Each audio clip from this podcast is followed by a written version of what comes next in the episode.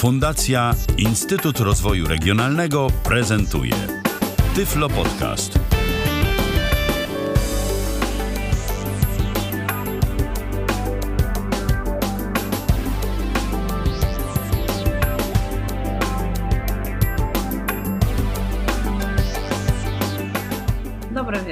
Witam w kolejnym Tyflo Podcaście. Ala Witek z tej strony. Jak zwykle bardzo się cieszę, że zechcieli Państwo spędzić e, w naszym towarzystwie kolejny czwartkowy wieczór. E, dziś Państwa i moim gościem e, jest Barbara Szymańska. Witaj Basiu. Dzień dobry, witam wszystkich. Witam Cię bardzo serdecznie. Dziękuję za przyjęcie zaproszenia kolejnego do Tyflo Podcastu. E, dziś e, z Basią będę rozmawiała o projekcie dotyczącym e, audiodeskrypcji dzieł sztuki, analizy ich powstawania. O projekcie obraz słowem malowany. Gdybyś mogła Basią na początek powiedzieć w takim najbardziej ogólnym zarysie, czym ten projekt jest? E, program dokładnie nazywa się i sztuka e, edukacja kulturalna dla wszystkich a jest y, próbą stworzenia wirtualnej historii sztuki. E, przede wszystkim sztuki, która stanie się dostępna osobom niewidomym, chociaż e, przez y, tekst, który, bo audiodeskrypcja jest udostępniona także w skryptach. E, mamy nadzieję, że osobom, te, które, osoby niesłyszące, te, które znają język polski, również z tych stron skorzystają. Podobnie osoby, które są na wózkach, tak, często nie mogą docierać do różnych miejsc, gdzie te dzieła można podziwiać E, my chcemy te dzieła skupić w jednym miejscu, tak? Historia sztuki, którą się zwykle czyta, ona wiele omawia teoretycznie, natomiast tylko wspomina o przykładach, pokazując je na ilustracjach, barwnych ilustracjach. Czasami e, są to czarno-białe reprodukcje, e, natomiast z opisu mamy tylko szczątkowe jakieś zarysy. Nigdy w życiu, e, czytając historię sztuki, nie mogłam zobaczyć w pełni danego dzieła. To mm, właśnie ten projekt i sztuka e, edukacja kulturalna dla wszystkich to historia sztuki, która jest widzialna, widoczna. E, te dzieła, które się znajdują w historii sztuki, my mm, poprzez nie właśnie chcemy stworzyć historię sztuki, poprzez samą audiodeskrypcję tego dzieła, pokazanie tego dzieła zarówno wizualnie poprzez zdjęcie i także umieszczenie dodatkowo analiz, analiz stworzonych przez historyków sztuki. Aha, a y, wspomniałaś o stronie, gdybyś y, mogła tutaj podać adres, gdyby e, ktoś z naszych słuchaczy miał ochotę y, zajrzeć lub później w trakcie odsłuchiwania audycji po pobraniu jej z naszego serwisu, e, gdzie można e, z tą ich sztuką się zapoznać. Zachęcam wszystkich do wejścia na stronę www.isztuka.edu.pl. Mam nadzieję, że, y, bo mm, jedna z firm, która zajmuje się dostępnością stron, tworzyła nam tą stronę, że osoby y, niewidome nie będą miały przeszkód, żeby z tego skorzystać. Y, obecnie na portalu są umieszczone różnego rodzaju epoki i w tych epokach znajdują się zarówno właśnie audiodeskrypcje, jak i analizy. Jasne, dziękuję Ci bardzo. A e, skąd w ogóle wziął się pomysł e, przygotowania e, takiego, mm, takiego projektu zaznamiającego osoby niewidome czy inne osoby niepełnosprawne ze sztuką?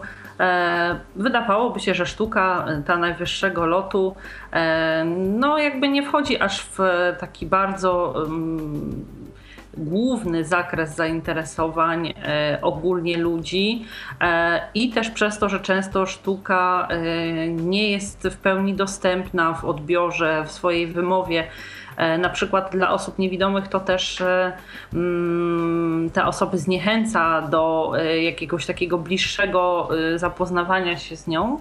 E, można też e, powiedzieć, że e, jest to ogromne przedsięwzięcie, ponieważ dotyczy zarówno właśnie opisu tych dzieł jako audiodeskrypcji, jak i analizy ich powstawania. Skąd pomysł w takim razie na ten projekt? Pomysł jest, można powiedzieć, już wieloletni. My go dopiero teraz zaczęliśmy realizować, a wziął się y, stąd, że często nawet to nie jest tylko problem dotyczący dzieł sztuki z zakresu dzieł mm, plastycznych, ale ogólnie dzieł, dajmy na to, filmowych. Osoby tworzące audiodeskrypcje często mają problem, bo nie wiedzą w jaki sposób mogą dostosować do wszystkich e, dane jedno dzieło. Tak? Mówi się o kilku rodzajach audiodeskrypcji, że one by, powinny być tworzone, żeby móc e, każdemu jak gdyby dogodzić. Tak? Natomiast gdybyśmy tak popatrzyli e, na twórców, którzy by mieli każdemu widzowi zrobić oddzielne dzieło, to by było jak gdyby nienormalne. Tak? Twórca tworząc dzieło daje też dla odbiorcy dowolną interpretację. Od samego odbiorcy zależy, jak to, to dzieło zinterpretuje. My natomiast też chcieliśmy zauważyć, bo mm, to było można już dostrzec na początku naszego pierwszego projektu z audiodeskrypcją, kiedy w 2006 roku realizowaliśmy pierwszy seans z audiodeskrypcją, zapraszaliśmy ludzi niewidomych. Jedyny taki argument, który padał e, w przypadku osób całkowicie niewidomych od urodzenia, e, że oni nie chodzili tyle czasu, im to nie jest potrzebne. Mm, nie rozumieją, nie wiedzą o co tam chodzi, nie będą tego oglądać. Były też osoby niewidome, które straciły wzrok, ale mówiły na przykład, że audiodeskrypcja y, tłumaczy tylko niewidomym, jak patrzeć. To po co ktoś, kto widział, y, ma wiedzieć, jak, jak się ogląda y, dane, dane dzieło, dany obraz. I tak wszystko zbierając mm, i wszystko łącząc ze sobą, też mieliśmy do czynienia na warsztatach, brały warsztatach audiodeskrypcji, które prowadziliśmy ogólnie dla osób widzących z różnych instytucji kultury. Brały w nich również osoby mm, udziału niewidome. E, I też to było takie bardzo ciekawe zderzenie, kiedy ktoś, kto jest ociemniały, miał doświadczenie ze sztuką, nagle y, ma y, osobę przed sobą niewidomą, która nigdy w życiu nie miała do czynienia z obrazem. Obraz jest dla niej czymś tak nieczytelnym, tak całkowicie nieczytelnym, że ona dopiero zaczyna go się uczyć, tak? Y, ale najczęściej pokazywana jest tylko treść obrazu, nie jego forma. Przede wszystkim forma wskazuje na to, że mamy do czynienia z dziełem. I dla nas to jest bardzo przynajmniej dla mnie, osoby, która straciła wzrok, a e, może za pośrednictwem audiodeskrypcji doświadczać sztuki, że mm, ktoś mi dzieło przedstawia jak zwykłą treść obrazka, tak? bo dostaje na przykład audiodeskrypcję do dzieła Van Gogha i ktoś mi opisuje bardzo prosto. E, rozgwieżdżone niebo, poniżej pasmo wzgórz i domy, po prawej gaj oliwny, z lewej cyprys. I teraz y, doświadczmy tego, że jest to dzieło sztuki, tak? namalowane przez Van Gogha. Oczywiście można dodać kolory, ale czy tylko to, że my dodamy kolory sprawi, że to dzieło będzie dziełem? Nie. Dlatego staraliśmy się zawsze ukazywać dla osób tworzących, że jest jeszcze coś takiego jak forma, że językiem, językiem plastycznym, y, bardzo y, wrażeniowym jesteśmy w stanie tworzyć także wrażenia. Jest to dosyć trudne Szczególnie dla Czyli, osób widzących. Przepraszam, e, mhm. żebym e, mogła, przepraszam, że wchodzę Ci w słowo, żebym mogła tutaj jakby za Tobą nadąży, nadążyć. E, przez tą formę chodziło o jakiś opis perspektywy, sposobów, w jaki to jest tak, ukazane, tak? Tak? Światła i cienia. Dokładnie, mhm. tylko żeby to było na tyle płynne i nietechniczne, tak? bo możemy tak samo zrobić z filmem. Jeśli mhm. mamy w języku filmu montaż, mamy plany, to nie mówimy na przykład zbliżenie, półzbliżenie, plan daleki, plan totalny, plan ogólny. Nie posługujemy się tego typu definicjami, bo przez to właśnie jest tworzona między innymi tworzona wizualność filmu, tak? Mhm. Autor tworzy napięcie, oddziaływuje na widza. My natomiast y, te wszystkie plany staramy się pokazać w słowach. Na przykład taki prosty mm, będzie ten przykład. E, film e, animacja, maska mm, braci Kłaj na podstawie Lema. E, możemy ją, każdy z osób niewidomych może ją zobaczyć na kanale Semafora na YouTube e, i poczuć, e, jak to nam wyszło, tak? E, kiedy akurat my jesteśmy za tym, żeby audiodeskrypcję czytali aktorzy nie białym głosem, a bardziej starali się wczuć w to, co czytają, do czego czytają i po co czytają.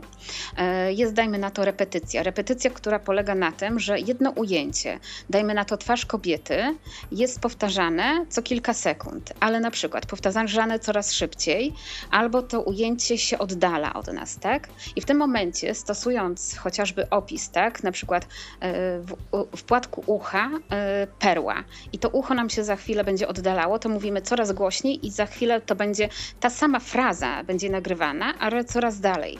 Tak samo w dziełach plastycznych, tak, mamy formę. Jeśli my opisujemy gwieździste niebo i nie dodajemy do tego żadnych wrażeń, a damy na przykład wirująca, granatowa masa nieba, w tym momencie już inna inne jest odczucie. Te słowa jak wirująca, rozgwieżdżona, masa ciemnogranatowego nieba, to wszystko sprawia, że mm, po kolei każde później inne, inne słowo, które doda tę wrażeniowość, ten ruch, bo akurat tutaj chodziło y, przede wszystkim o ruch, to my to podkreślamy, tak? Tą formę, która przede wszystkim jest wibracją. Tam jest, są fale, ale przede wszystkim właśnie ten ruch podkreślony przez nakładanie się różnego rodzaju też barw.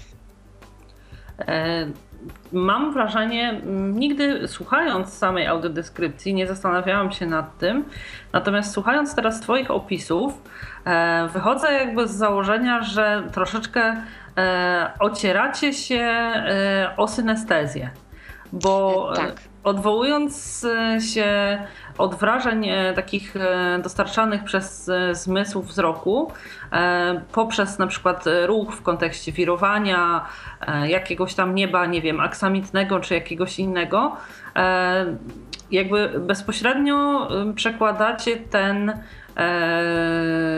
bodziec wzrokowy, który odbiera widz oglądając film, dzieło sztuki, czy jak, cokolwiek innego, co opisujecie, na taką przystępną dla osób posługujących się właśnie dotykiem, motoryką i tak dalej, i tak dalej w tak. odbiorze świata. Tak? Dobrze to zauważyłaś i pięknie to podkreśliłaś, czego ja sama bym pewnie tak szybko do tego bym nie doszła, bo bym musiała najpierw wszystko przedstawić, ale tak dokładnie nam o to chodzi chociażby dzieło Martwa Natura z wędzidłem e, Torrentiusa. E, my korzystaliśmy akurat, jak m, robiliśmy audiodeskrypcję ze studentami, z Herberta. On przepięknie o tym dziele pisze. I takie jedno zdanie, które mi się bardzo podobało, to że światło zderza się z czernią e, m, ściany w tle. I to jest takie bardzo namacalne, tak? Światło, które nie musi być na przykład czytelne dla osoby całkowicie niewidomej. Ja akurat straciłam wzrok na tyle, że nie mam poczucia światła, ale m, na przykład wiem, jak światło to wygląda. Natomiast osobom, które nigdy światła nie widziały, też da się w pewien sposób rozmawiać o świetle, tak? Że ono jest lekkie, a nie na przykład, że jest jasne. My um, staramy się posługiwać takimi pojęciami, które sprawią, że również osoba niewidoma będzie miała to doświadczenie. Jeśli mówimy o strumieniu światła i o cieniu, możemy posługiwać się też, starałam się właśnie zawsze, jak tworzyliśmy audycje, to było 12 audycji poświęconych też historii sztuki, ale tylko było 12 dzieł reprezentacyjnych dla każdej epoki, to później też y, za, y, y, prosiłam o historię historyków sztuki o kilka zdań. Mówiłam im natomiast, żeby się nie posługiwali y, wrażeniami wizualnymi bez odniesienia się do innych emocji doświadczanych innymi zmysłami. Tak? Wszystko to, co staramy się opisywać, powinno być doświadczane również y, zmysłem, czy też odwołaniem się do dotyku, czy też odwołaniem się do słuchu, bo mm, na przykład y, mm, barwę możemy przełożyć na dotyk. E, mm, perspektywę przełożyliśmy, te, te wszystkie rodzaje perspektywy malarskiej przełożyliśmy przełożyliśmy na dźwięk. E, to było takie dosyć też ciekawe, bo e, jako osoba, która straciła wzrok i na przykład mając doświadczenie, jak wygląda perspektywa powietrzna, to przyszło mi natychmiast do głowy, w jaki sposób można to zrobić, tak? Że e, dźwięki, które się oddalają, one się stają rozmyte, tak? One tak jak przy przekręcaniu gałki od radia, słyszymy, że ten biały szum zaczyna nam zasłaniać pole słuchu, tak? Tutaj tak samo w perspektywie powietrznej ta perspektywa sprawia, że ten wzrok się gdzieś tam w dali rozmywa, wszystko się nam w dali rozmywa, staje się nieczytelne. I właśnie w ten, ten sposób, odwołując się do innych zmysłów, staramy się, żeby sztuka była przyjazna, że osoby, które nigdy nie widziały, też będą dały ją radę czytać, będą ją w moim, moim marzeniem jest to, żeby osoba niewidoma do urodzenia potrafiła też nią, nią się zafascynować, bo mm, tak jak już wspomniałam na początku, audiodeskryptorzy i to na wielu konferencjach, ja to bardzo często słyszę, podnoszony aspekt y, dostosowania audiodeskrypcji do widza, nie do dzieła, co mnie bardzo martwi, ponieważ jak popatrzymy na rozpiętość y, mm, możliwości doświadczania obrazu przez osoby niewidome, jest to tak szerokie i ogromne, że zagubimy gdzieś to dzieło. I w tym momencie, kiedy my zaczniemy edukować osoby niewidome, a wiadomo, że pracy w tym jest ogrom. Tak jak jeździliśmy po ośrodkach y, różnego rodzaju, ośrodkach specjalnych dla dzieci niewidomych, y, widzieliśmy, jak nauczyciele mają problemy z nauczaniem sztuk plastycznych, jak bardzo brakuje im audiodeskrypcji. Właśnie to jest też między innymi odpowiedź na zapotrzebowanie zgłaszanych przez nauczycieli z Łodzi, z Krakowa, y, którzy nam mówili, że nie mają na czym pracować z dziećmi. Tak? Rozmawialiśmy przecież niejednokrotnie na listach dyskusyjnych o tym, e, jak to wyglądało w szkole, tak? chociażby w Laskach, gdzie mm, nauczyciele omijali ten temat. Tak? Temat opisu dzieła mm, plastycznego był jak gdyby pomijany, ale dlaczego? Tak? Dlaczego pomijamy coś, co rzeczywiście można odnieść do innych zmysłów? I tak jak wspomniałaś, synestezja jest tutaj naprawdę moim zdaniem świetnym, mm, świetną pomocą. Tak? Do niej możemy się jak najbardziej odwołać, mówiąc o różnego rodzaju barwach, o różnego rodzaju kształtach. To wszystko da się jak gdyby przetłumaczyć na inne zmysły. Jasne. Przecież e, takie sformułowania jak e, ostry strumień światła albo e, powiedzmy Dokładnie. jakieś tam wibrujące kolory czy coś takiego, nie ma najmniejszego problemu, żeby osoba niewidoma zrozumiała, żeby zrozumiała o co chodzi. Właśnie tak jak w przypadku tej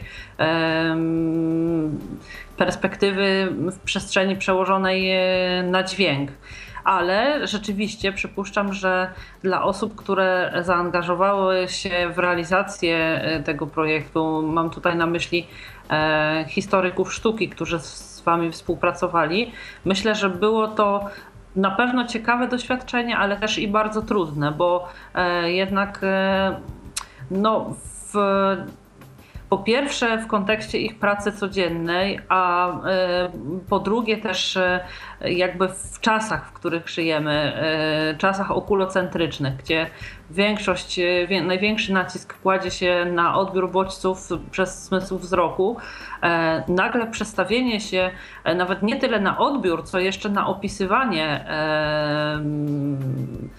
dzieł sztuki z właśnie jakby takim e, świadomym wyrzeczeniem się korzystania z tych bodźców, e, z pomocy właśnie bodźców e, wzrokowych, na pewno było dla nich bardzo trudnym doświadczeniem.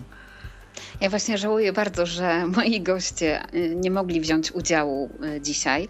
Mam nadzieję, że być może kiedyś uda się powtórzyć tą audycję, bo obecnie jesteśmy w trakcie realizacji kolejnej części projektu, ale też sporo rzeczy się tym osobom ponakładało, zarówno i, i pracy zawodowej, i pracy dodatkowej. Ale tak, mm, zderzenie się, myślę, że one by najlepiej to powiedziały, nie ja.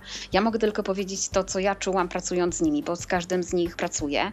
E, każdy każdy obraz konsultuję, tak? Sprawdzam na przykład każdy mi, kto opisze obraz, e, ja sprawdzam jego czytelność, tak? Sprawdzam, czy ja czuję ten obraz, czy ja tą formę dostrzegam, bo jeśli dla mnie formy nie ma, to nie ma obrazu. Dla mnie sama treść jest pusta.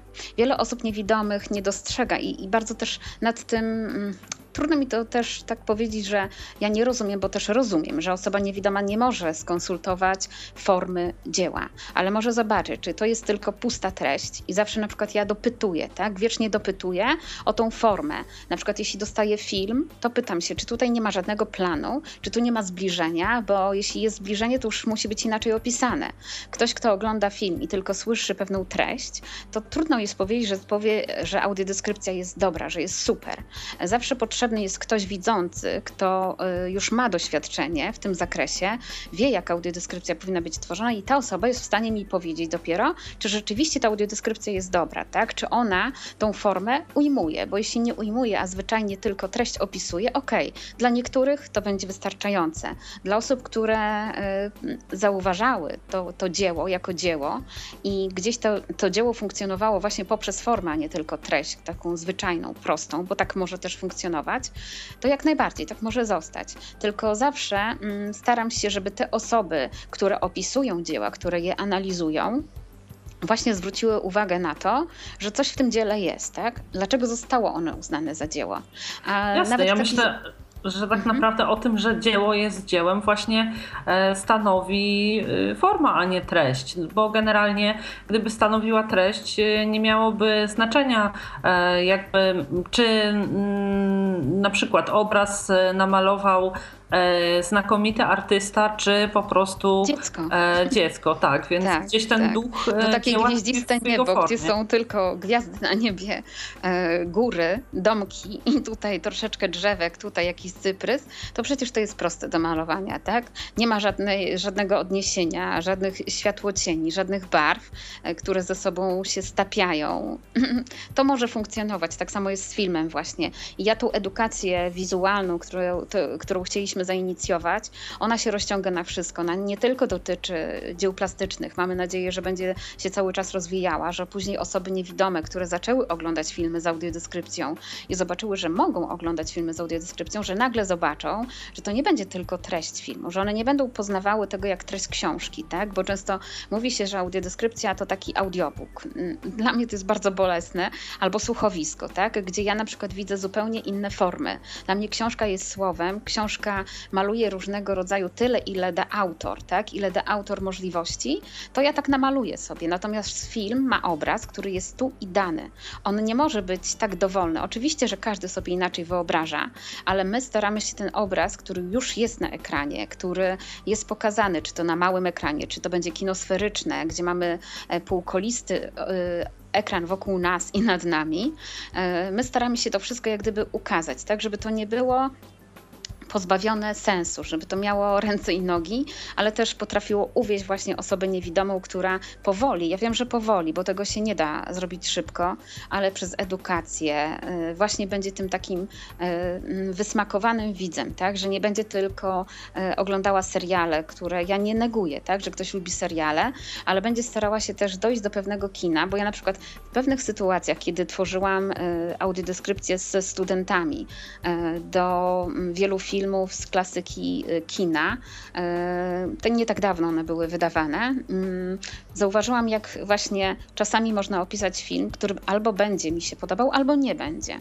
I nagle, jak film zaczął uwzględniać formę, ja zaczynam dostrzegać, y, jest taki film Mniejsze Niebo, polecam wszystkim, jest do tego audiodeskrypcja, jak cudownie ten film został skomponowany. Tak, tak samo na przykład właśnie, właśnie o to chodzi w dziełach, żeby dzieło było dziełem. Ale jeszcze taka ciekawa rzecz, że osoby widzące często też nie potrafią przejąć perspektywy osoby niewidomej. Ja to zauważyłam właśnie przy opisie e, Mniejszego Nieba, kiedy osoba widząca, mężczyzna, miał opisać przestrzeń, przestrzeń dworca.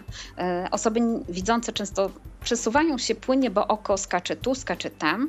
Natomiast osoba niewidoma, jak się porusza, porusza się z białą laską, prawda? Wszystko jest dla niej takie linearne. I dla nas y, bardzo ważna jest ta linearność, że jeśli od jednego punktu idziemy, to kamera idąc, przesuwając się od lewej do prawej, my tak samo widza prowadzimy. My nie, nie skaczemy z tą y, kamerą raz po prawej, raz po lewej, raz z tyłu, raz z przodu, czy też na przykład y, od czegoś do czegoś. Nie mamy, mamy tak zwane punkty orientacyjne orientacyjne w audiodeskrypcji, że nie przerywamy tego, e, tej narracji, która jest audiodeskrypcją, a właśnie staramy się, żeby ona była płynna i linearna. E, to zadam Ci, jeśli można, e, pytanie jakieś zupełnie mm, dygresyjne na marginesie. Mhm. Czy mm, przez to, że jest dostępna audiodeskrypcja i do filmów, i do dzieł sztuki, do jakichś tam powiedzmy, nie wiem, widowisk sportowych czy czegoś podobnego. E, nie mówię tylko o tej, którą wy prowadzicie, tak? Mhm, jako mhm. Fundacja tak Audiodeskrypcja ogólnie, tak. E, czy mm, chciałabym Cię zapytać o Twoje prywatne odczucia. Rozmawiając z osobami niewidomymi, widzisz, to znaczy słyszysz w jakby tym zasobie używanych przez nie e, słów na opisanie czegoś albo na jakąś interpretację czegoś i tak dalej, i tak dalej, że gdzieś w ten słownik e, taki typowo e, odnoszący się do słuchu, do dotyku i tak dalej, e, gdzieś wkomponowują bardziej, częściej te mm, wyrażenia jakby związane z, z tym opisem takim jakby właśnie wzrokowym, gdzieś tam właśnie mm, nie chodzi o takie mm, bardzo proste kwestie, jak jakieś tam zobaczyć czy coś. Natomiast e, mm, no nie wiem, jakieś rzeczy takie odnoszące się do dystansu, e, odnoszące się do e, jakichś takich właśnie kwestii związanych z rzeczami, których nie można zobaczyć, jak na przykład jakieś wysokie budowle czy coś takiego, albo no nie wiem, co jeszcze? E, w e. kontekście cienia, mgły czy czegoś, no, e, czy jakby. Ja to mogę tylko powiedzieć z zakresu własnych doświadczeń tak? z dziećmi, na przykład niewidomymi i pracy z dziećmi niewidomymi. Dla mnie to było przepiękne, tak? Mm, jako ktoś, kto mm, sam się fascynował jeszcze jak widziałam e, sztukami plastycznymi. Też prowadziłam zajęcia z dziećmi niewidomymi, całkowicie niewidomymi. I dla mnie to było piękne, jak ja mogłam dla nich cokolwiek wytłumaczyć, tak? Na przykład wytłumaczyć błękit, wytłumaczyć kształt. I te dzieci się posługiwały już pojęciami, które się nagle wypełniają, tak? Są, nie są już pustymi treściami. Mhm. E, ale tak samo na przykład osoby niewidome na warsztatach e, to było przepiękne, jak nagle dziewczyna mówi, że ona rozumie perspektywę, e, że ona wie o co chodzi, tak? Całkowicie niewidoma od urodzenia i nagle wie i potrafi to wytłumaczyć, o co chodzi w perspektywie. E, ja mam nadzieję, że mm, mnie to porusza, tak? Mnie to porusza emocjonalnie, e, ze względu na to, że to ma takie oddziaływanie, że ktoś, kto nigdy tego nie czuł, nagle może to poczuć. Myślę, że audiodeskrypcja jeszcze jest świeża. Mm, mimo, że zrobiło się już tyle, tak wiele, tak się wiele zadziało, bo przecież wiele jest fundacji, tak? Y, fundacja Audiodeskrypcja, ale jest Fundacja Kultura Bez Barier, jest Fundacja y, Otwieramy Kulturę, jest y, Fundacja Katarynka, Siódmy Zmysł, mm, bodajże Piąta Pora Roku w Lublinie. Te, te fundacje wszystkie jak gdyby działają na rzecz audiodeskrypcji, ich jej jest coraz więcej. W tym roku też mija 10 lat audiodeskrypcji. Tylko, że te nasze e, działania cały czas, e, można powiedzieć, e, tłoczą, e, tłoczą tą skałę, bo niestety często ta skała jest bardzo twarda. Na przykład teraz udało nam się otworzyć operę, ale na razie tylko Białystok, tak? Mamy nadzieję, że jednak te inne miasta też ruszą, tylko że tych wydarzeń jest bardzo mało, tak? Cały czas, e, żebyśmy nie musieli stukać do drzwi, żeby to było na tyle powszechne, że każdy się na to otworzy, że każdy dyrektor będzie wiedział, że to jest potrzebne e, ja bardzo mam na to, bardzo na to liczę. Ostatnio prowadziliśmy warsztaty w Muzeum Pana Tadeusza, gdzie również sami pracownicy tworzyli audiodeskrypcję e, i widziałam, że jak wielu to pasjonuje, tak? Widziałam, jak wielu się w to wkręciło. E, mam nadzieję, że to będzie takie właśnie, że to będzie ludzi wkręcało. Zobaczą, jak to bardzo e, dużo daje dla osób, które są niewidome, że przyjdą i zobaczą. Wiem, że wiele osób też nie zachęci, tak? Bo, mm, ale to można powiedzieć jest normalne. Dla mnie mnie przynajmniej normalne, że osoby niewidome nie muszą tabunami chodzić do kina, nie muszą tabunami chodzić do teatru, nie muszą tabunami chodzić do muzeów. Każdy znajdzie coś dla siebie. Jeden będzie lubił sztuki plastyczne, drugi kino, trzeci teatr, ale tak samo jest, zauważmy wśród osób widzących. Czy każdy chodzi do kina? Nie. Na przykład niektórzy wolą siedzieć w domu, oglądać to na DVD. E, niektórzy wolą wyjść do teatru, niektórzy nie. Niektórzy chodzą do muzeum, niektórzy wolą sztukę współczesną e, i chodzą do galerii sztuki współczesnej. Tak? Dlatego to się bardzo różni. A jeszcze popatrzmy na tych, jak wielu nie korzysta z tej kultury, jak ta zachęta musi być cały czas aktywna i musi do, docierać do tego widza, żeby rzeczywiście z niej korzystał. E, ja mam nadzieję, że osoby niewidome również właśnie poprzez audiodeskrypcję będą powoli, ale będą się tym interesowały, że będą chodziły do własnych instytucji kultury, bo tego brakuje mi, tak? Że często właśnie mm, mm, fundacje muszą pukać, a e, fundacje później, albo nawet e, z moich spotkań z dyrektorami instytucji kultury wynika to, że oni nic nie chcą organizować, bo nie mają chętnych. Nikt nie przychodzi. A e, pogląd, że wielu powinno przyjść, też jest taki mylny, bo wystarczy, że dla mnie jest jeden widz niewidomy, tak jakby chociażby e, w kinie e, takim ofowym, które u nas akurat funkcjonuje, kinoforum, wystarczy jeden widz, żeby film się odbył. Dlaczego jeden widz niewidomy nie jest w stanie poruszyć serca, tak? serca e, dyrekcji, serca instytucji, że on również będzie uczestniczył w kulturze. To jest mój największy obecnie ból. E, ja wiem, że wszyscy chcemy doświadczać audiodeskrypcji w telewizji, e, natomiast ja bym także chciała, żeby ta kultura wychodziła poza dom. My robimy tą historię kultury dostępną w internecie, żeby każdy, kto ma dostęp do sieci i będzie mógł z niej korzystać, to, to tego tego doświadczał. Natomiast mam nadzieję, że to będzie na tyle szerokie, że, że i telewizja, i, i wyjście z domu, i także internet pozwoli na to, żeby ta e, sztuka mm, budowała naszą tożsamość, bo może to takie jest na razie dla każdego dziwne, co ja mówię, takie bardzo górnolotne, ale gdybyśmy popatrzyli na to, jak się sztuka rozwijała i jak wiele można z niej czerpać dla siebie samego, dla siebie, jednakiej indywidualnej jednostki, ile ona może nas wzbogacić wewnętrznie poprzez właśnie te obrazy, poprzez formę, przede wszystkim tą formę i język artysty, to jest niesamowite. To jest tak jak czytanie książek, które są zupełnie czymś innym, czy słuchanie, słuchanie słuchowiska, które jest teatrem wyobraźni dźwiękowej, e, ale naprawdę jak bardzo potrafi wzbogacić, tak, że docenią osoby niewidome kiedyś to, że jednak obraz jest zupełnie czymś innym niż książka, tak, że, że on może tak samo jak książka pasjonować. Jasne. Zwłaszcza, że y, dostęp do sztuki, y, nieważne czy sztuki filmowej, czy do rzeźb, czy obrazów, y, jest czymś takim, powiedziałabym, luksusowym, trochę takim świętem w codzienności, gdzie mamy możliwość zbliżenia się do czegoś wzniosłego, oczywiście w zależności od tego, co ktoś lubi. Tak, to jest mój fokus. I Myślę, że tutaj warto też z tej okazji skorzystać chociażby po to, nawet jeśli e, jakby nie, nie mieliśmy przyjemności korzystać właśnie z opisów filmów, dzieł sztuki, e, teatru, czy też opery, o której wspominałaś przed chwilą, że może warto właśnie spróbować, czy znajdziemy tam coś dla siebie, żebyśmy po prostu nie żałowali, że e, nigdy mm, nie znaleźliśmy czasu, mimo możliwości, mimo sposobności, żeby e, z tą sztuką się zapoznać. E, skoro mówimy o formie, to chciałabym Cię zapytać o formę, w jakiej zostały udostępnione mm, te odcinki. Ile ich było, jak było to podzielone, mhm. jak są poszczególne odcinki skonstruowane. Później troszeczkę porozmawiamy o tym, gdzie i jak zostały udostępnione. Okej. Okay. E, mamy obecnie mm, na stronie mm, epok, e, mamy trzy epoki. E, mamy prehistorię, mamy starożytność i średniowiecze. Mm, który się kończy na prerenesansie. E, teraz zaczęliśmy już właśnie renesans i będziemy przechodzić do manieryzmu.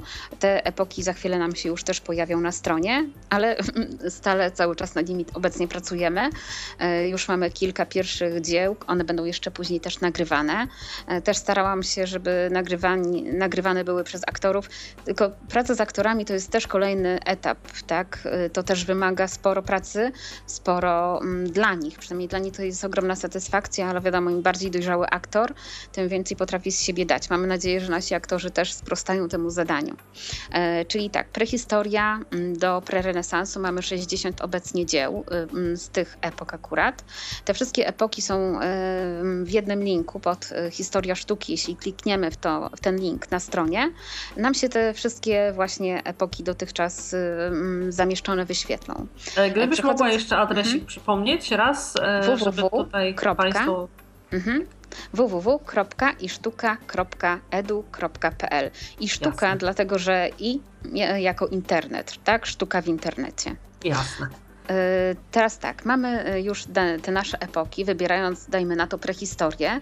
Jest to pierwsza z epok, która rozpoczyna nasz cały cykl, naszą całą opowieść, która mam nadzieję, że kiedyś też zafascynuje osoby niewidome. Tego bardzo pragnę, mam nadzieję, że nam się to uda. E, mm, możemy zobaczyć, jakie tam znajdują się dzieła. Obecnie są to trzy dzieła, ale będziemy te wszystkie epoki później, jak już zostanie ta cała historia zarysowana poprzez te dzieła, to będziemy je uzupełniać dodawać kolejne na przykład e, rzeźby, dodawać kolejne malowidła naskalne, mm, tak żeby ona, ta historia się coraz bardziej wzbogacała. Obecnie mamy e, monumentalną mm, budowlę e, monolityczną, tak zwaną Stonehenge. Mamy również rzeźbę, czyli Wenus z Willendorfu oraz mamy y, malowidło naskalne z Lascaux. I teraz każde to dzieło zostało podpisane. Jeśli wejdziemy w to dzieło, będziemy mieć y, audio, wyświetla nam się od razu treść analizy. E, audiodeskrypcja jest tak zwany player, który możemy uruchomić. Te przyciski są podpisane. Odtwórz audiodeskrypcję i w tym momencie, kiedy analiza jest y, otworzona, również możemy uruchomić audiodeskrypcję, tak, tym przyciskiem. Klikając y, wersję tekstową, skrypt audiodeskrypcji, y, w tym momencie wyświetli się nam tekst audiodeskrypcji, na przykład jeśli ktoś nie chce słuchać też odczytywanej audiodeskrypcji przez aktora, może ją odczytać w wersji tekstowej. W tym momencie każdy dostosuje sobie głos, syntezy, jaką na co dzień używa. Wiadomo, że inaczej czyta aktor, inaczej czyta synteza. Czy, synteza czyta też dosyć płasko, ale być może dla każdego e, coś miłego, każdy sobie coś innego będzie dał radę wyciągnąć z, z takiego sposobu odczytywania. My bardzo akcentujemy, staramy się akcentować e, przecinki, kropki, bo tak jak tłumaczę na każdych warsztatach, przecinek i kropka to pewnego rodzaju pauza wyobraźni. Ona daje możliwość przeniesienia się z elementu na element. Zakończenie zdania to jak gdyby przeniesienie się do kolejnego obiektu, tak? E, dalej kontynuacja e, tego samego w sposób linearny, ale jest, jest to też pewnego rodzaju przesunięcie się w tej wyobraźni. Mamy słuchacza e, na linii, więc proponuję, żebyśmy odebrali telefon. Jest z nami Marek. Jasne. Witamy panie Marku. E, witam, jestem z Katowic. Chciałbym się zapytać, czy w radiach internetowych też jest możliwa jakaś audiodeskrypcja, czy, czy nie? To pytanie pierwsze. I moje pytanie drugie brzmi, czy w, na stronie Ninateka też była tam różne filmy, teatry z audiodeskrypcją. Czy jeszcze ta strona jest aktualna, czy nie? Mhm. E, tak? Okej, okay. E, zatem Ninateka, projekt Narodowego Instytutu Audiowizualnego. Jak najbardziej strona jest dostępna. E, cały czas jak gdyby były umieszczane do, tego, do, tamtego, do końca tamtego roku były tworzone filmy. Mam nadzieję, że to będzie dalej kontynuowane, chociaż program Ninateka jak gdyby się skończył, tak? Bo było, była, była, to, była to realizacja w ramach projektu, ale myślę, że ten projekt będzie realizowany. Mam taką nadzieję, że e, każdy dostrzegając jak wiele wartości ten, ten projekt wniósł, e, jak gdyby nie sprawi, że, że to zostanie zakończone. E, także zachęcam Ninateka do, odwiedza, do odwiedzania Ninateki. E, nawet e, właśnie tak jak już każdy, kto wie i był na tej stronie, można przez wpisanie samego hasła audiodeskrypcja te materiały odnaleźć. Co do kolejnego pytania na temat radia internetowego, w moim odczuciu, tak jak myśmy realizowali właśnie obraz, obrazy słowem malowane, radiowe spotkania z audiodeskrypcją, nie tylko dzieł plastycznych, nie tylko dla najmłodszych, także myślę, że radia internetowe jak najbardziej.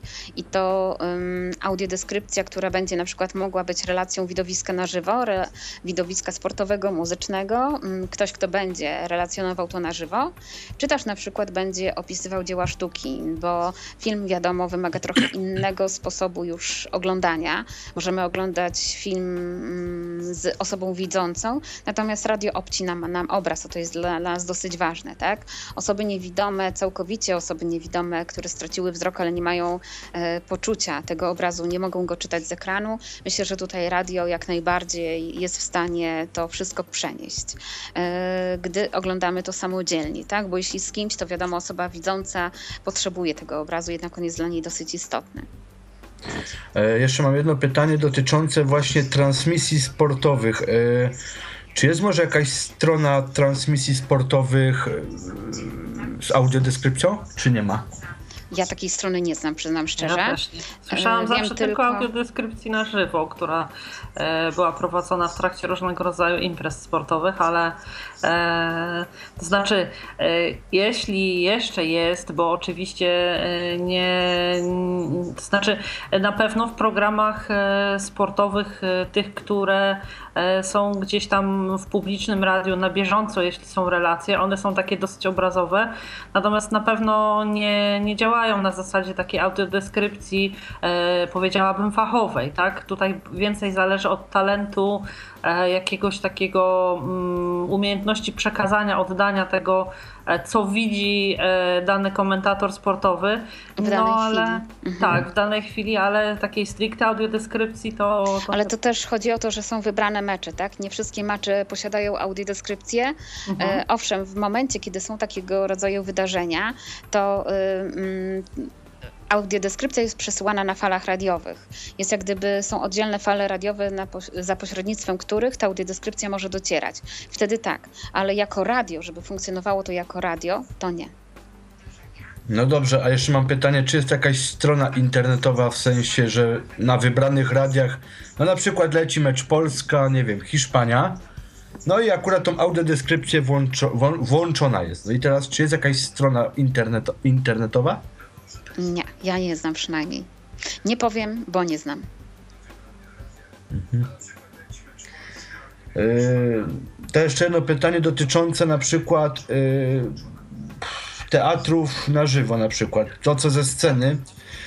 Czy jest, jakaś, czy jest jakaś możliwość audiodeskrypcji, czy trzeba jakieś pismo pisać do dyrekcji, do dyrektora teatru czy filharmonii? Pan jest z Katowic, tak? Tak, Katowice. Mhm. Na pewno Teatr Ateneum, e, Teatr Lalki aktora Ateneum przeprowadza spektakle z audiodeskrypcją.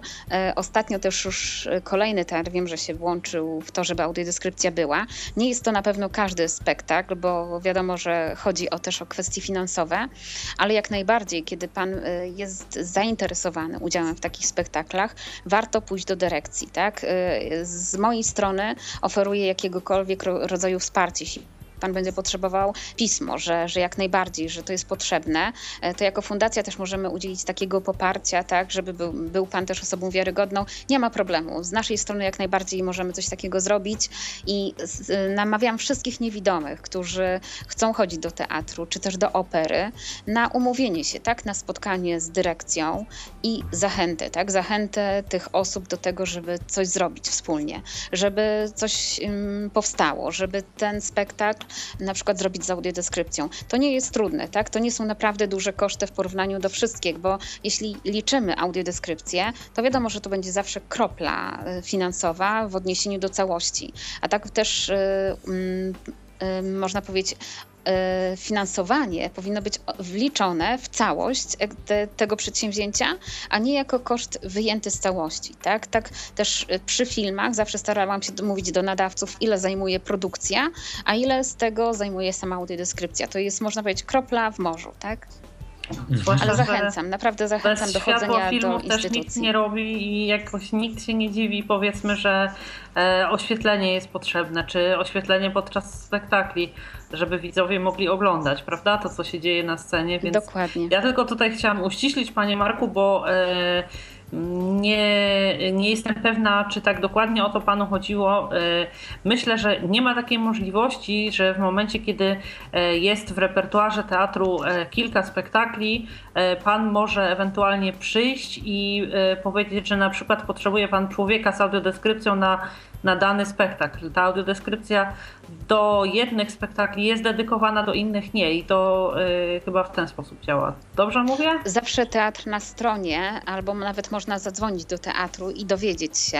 Zawsze prosimy instytucje kultury, żeby był ktoś, kto jest zorientowany w temacie i warto się kontaktować najlepiej z dyrekcją lub też kimś, jeśli ktoś taki istnieje i zajmuje się obsługą widza niepełnosprawnego. Y, staramy się instytucje do tego naławić, żeby zawsze taka osoba była i była poinformowana i mogła udzielić informacji na temat tego, czy są słuchawki, e, gdzie mogę takie słuchawki wynająć, e, wypożyczyć, przepraszam, e, gdzie mm, mogę się zgłosić, kiedy mam się zgłosić i tak dalej, na którym spektaklu audiodeskrypcja jest dostępna. To może pan zarówno uzyskać właśnie bezpośrednio w teatrze, ale też mówimy zawsze o dostępności strony internetowej i zamieszczaniu takich, takich informacji na stronach internetowych. Myślę, że też media. Media często współpracują z instytucjami kultury, często takie informacje się znajdują, e, ale wiadomo, mm, żeby dotrzeć do osoby niewidomej, trzeba działać wielokanałowo, zawsze o tym mówimy. Nie można działać tylko w jeden sposób. Dlatego im więcej pan się dowie, najmyśl, najszybciej pan się dowie, kontaktując się właśnie z instytucją kultury, którą pan jest zainteresowany. Mhm. Mm Znaczy wie pani, no ja jestem niewidomy od trzech lat praktycznie, więc Mhm. dopiero się wgryzam w ten temat, który I właśnie niech pan się wgryza jak najbardziej. teraz leci. No. Jeszcze mi chodzi o sprawy typu koncerty. To do, y, czy na koncerty też potrzebna audiodeskrypcja, żeby na przykład Jeśli pan potrzebuje, e, one są tworzone, tak? E, Na przykład dajmy na to festiwal e, filmowy, muzyki filmowej w Krakowie, posiada audiodeskrypcję. Mm, nie- Prawdopodobnie są obrazy. Ja nie byłam na tym festiwalu, ale jest tworzona tam audiodeskrypcja, bo myślę, że słuchając muzyki też pewnie są do tego obrazy. I to jest stworzone. Jest też Orange Festiwal w Warszawie. Tam zwykle są zapraszani jacyś goście, jacyś e, e, muzycy. I tam audiodeskrypcja polega na tym, że mm, to, co się dzieje na scenie, czyli ruch sceniczny, e, bywa opisywany. Tak, ona też nie powinna być nachalna. Jeśli pan będzie coś takiego potrzebował, to może pan sobie włączyć. Jeśli nie, to pan po prostu wyłącza, tak? Żeby też panu to zbytnio nie przeszkadzało, bo wiadomo, że audiodeskrypcja czasami bywa pomocna, ale czasami, żeby też nie przeszkadzała. A jak wygląda sprawa e, słuchania osób niewidomo-głuchoniemych? Jak to wygląda? Z, ciekaw z ciekawej perspektywy pytam tylko.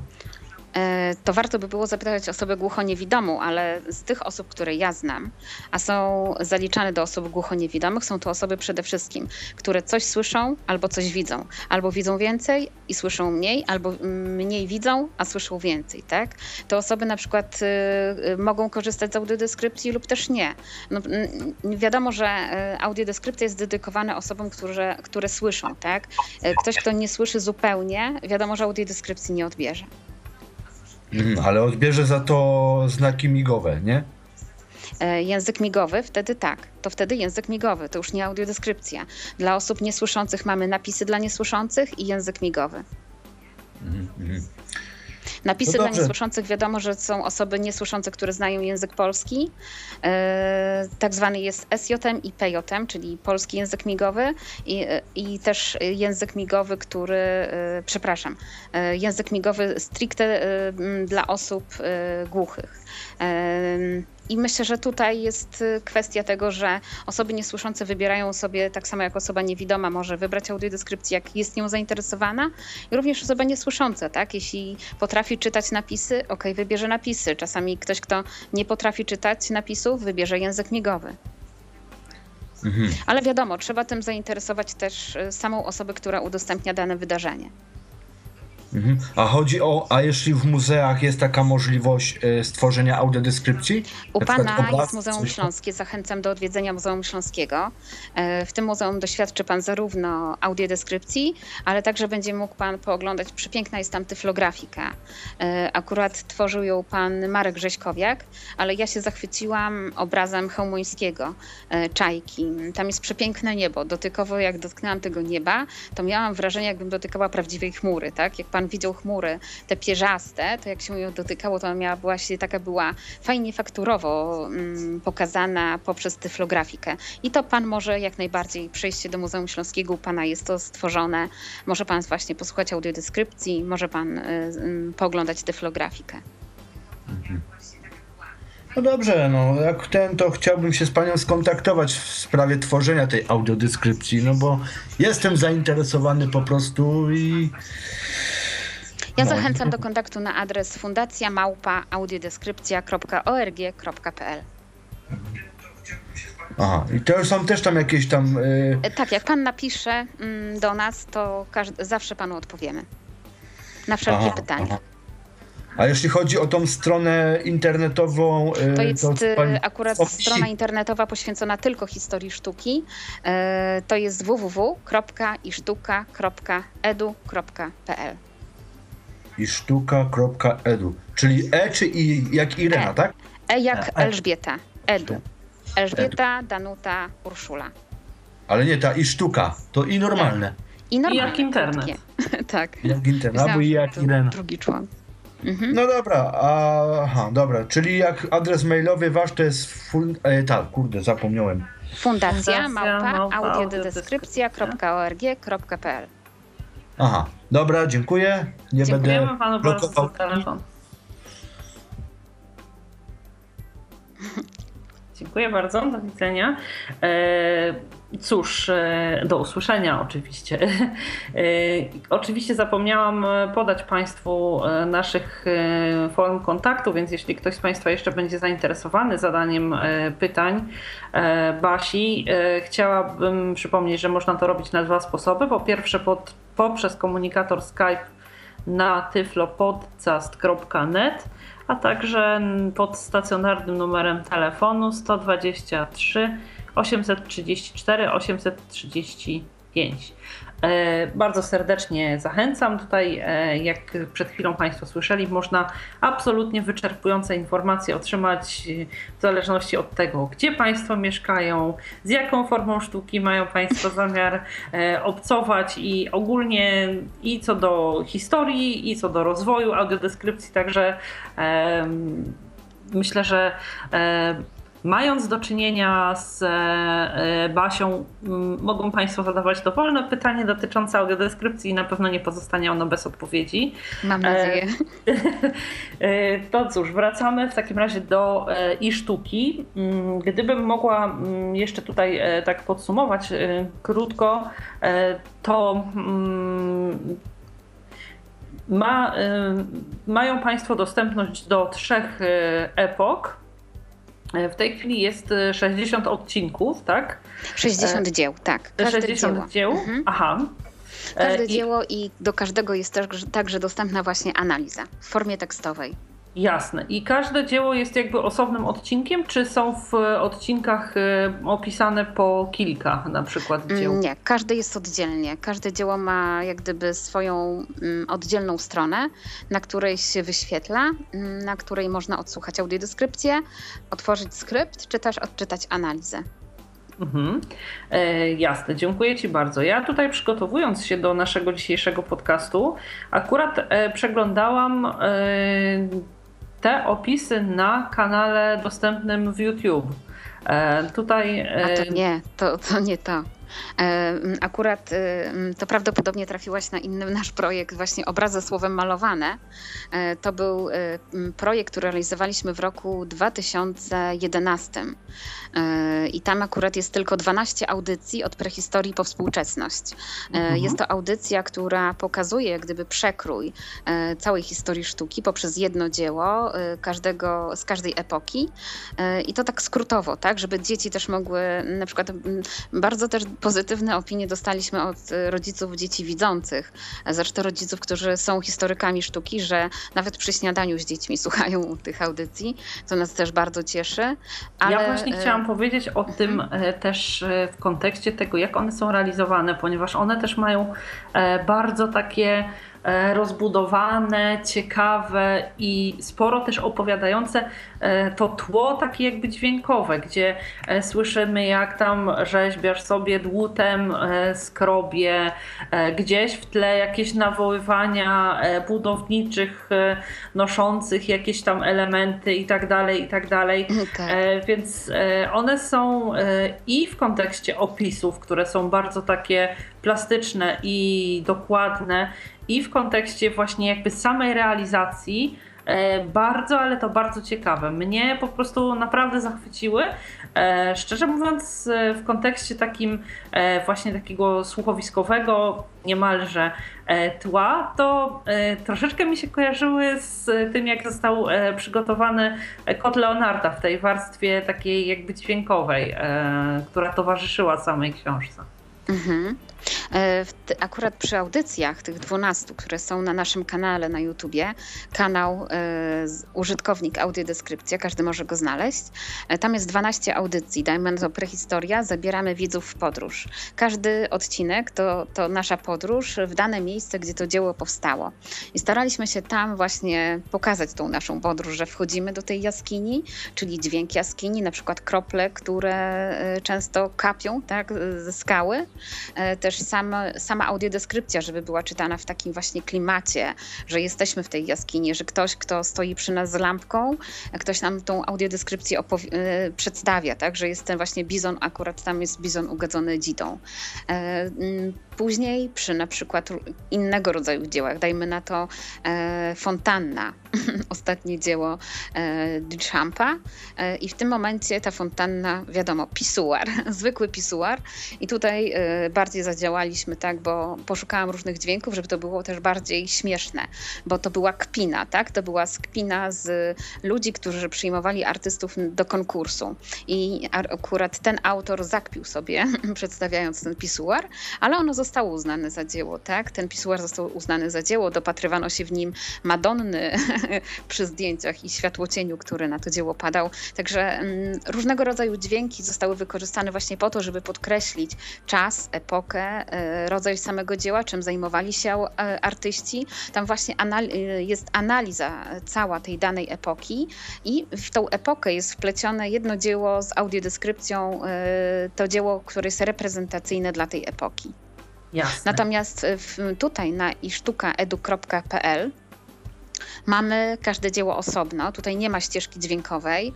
E, nasz projekt, który zakładał e, dużo, był bardziej rozbudowany, chociaż mamy nadzieję, że ten projekt także taki będzie, bo cały czas go rozbudowujemy. Mm, mamy nadzieję, że każdy, kto będzie mu chciał, będzie mógł wydrukować tyflografikę, która będzie zamieszczona przy każdym dziele.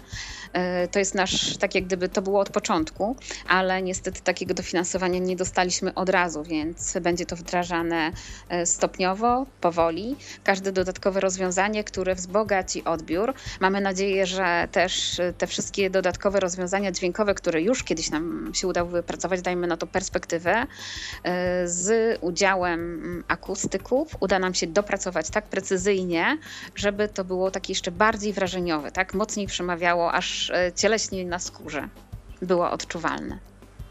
Jasne. E, to e, bardzo dziękuję Ci za e, tak szczegółowy opis i tych dzieł, które są dostępne na stronie i sztuka oraz tych, które są dostępne w ramach projektu obraz słowem malowany w mm, na kanale, kanale YouTube. YouTube. Mhm. Tak. Chciałabym zapytać, czy któreś z nich można, to znaczy, czy te, które są zamieszczone na stronie i sztuka, E, można pobrać e, w, e, na przykład na telefon lub komputer i później offline sobie odsłuchać, można jakoś pobrać te opisy, czy można zapoznawać się z nimi tylko mając dostęp do internetu? E, tylko dostęp do internetu, bo mamy tam odtwarzacz, tak? Z tym odtwarzaczem, Aha. one są dołączone do tego odtwarzacza, ale e, mam nadzieję, że jak już powstanie ta historia sztuki, dojdziemy do współczesności, e, to zrobimy tak, że po prostu wydamy mm, te audycje jako pewną historię sztuki, tak? Historię sztuki, która będzie dostępna, będzie można ją mieć y, w każdym miejscu, gdzie się będzie tylko chciało. Być może właśnie jako plik MP3, y, ale chcielibyśmy, żeby ona nie była w fragmentach. Chcielibyśmy, żeby ona była wydana już w całości. Mhm. Rozumiem. E, dobrze, to chciałabym, żebyśmy przez chwilę porozmawiały mm, jakby o tych epokach i samych dziełach. E, gdyby tutaj e, Państwo byli zainteresowani na przykład jakąś konkretną, e, czy mogłabyś jeszcze raz przypomnieć te epoki, z których mhm. na stronie i sztuka dostępne są dzieła? Tak. To jest prehistoria. Na razie trzy dzieła z prehistorii, ale te najbardziej, które wiadomo, że były tak tworzone, czyli malowidło naskalne, rzeźba i mm, monumentalne budowle monolityczne. E, następnie przechodzimy do starożytności. Tutaj mamy Egipt, mamy Mezopotamię, mamy Grecję, mamy Rzym. E, w, każdej e, z tych, w każdym z tych miejsc tak, dzieła, które powstawały, pokazują, jak bardzo różnorodne dzieła były tworzone. Tak? Jak bardzo na przykład różnił się Rzym, chociaż Rzym bardzo dużo zapożyczył z Grecji, ale jednak Rzymianin a Grek, Grek bardziej uduchowiony, bardziej romantyczny, Rzymianin bardziej ostry. Tak? To nawet się wyraża w dziełach. Właśnie mnie to fascynuje, że tak bardzo przecież czerpiemy wszyscy naszą tożsamość kulturową, gdzieś budujemy na podstawie tego, skąd się wywodzimy. I to jest przepiękne, jak bardzo można tego doświadczyć, y, chociażby oglądając te dzieła właśnie z tamtych epok. Mezopotamia, Egipt. Y, jak bardzo Egipt pracował nad tym, żeby coś stało się dziełem, tak? Jak były, jakie były kanony w ogóle tworzenia dzieł. E, jak były płasko dzieła malowane, kiedy na przykład powoli ktoś zaczyna się wzrok rozwijać, na przykład artysty i zaczyna tą perspektywę troszeczkę już bardziej wdrażać, tak, żeby ona była już namacalna. Nawet w samych tych bas-reliefach, czyli tych reliefach płaskich.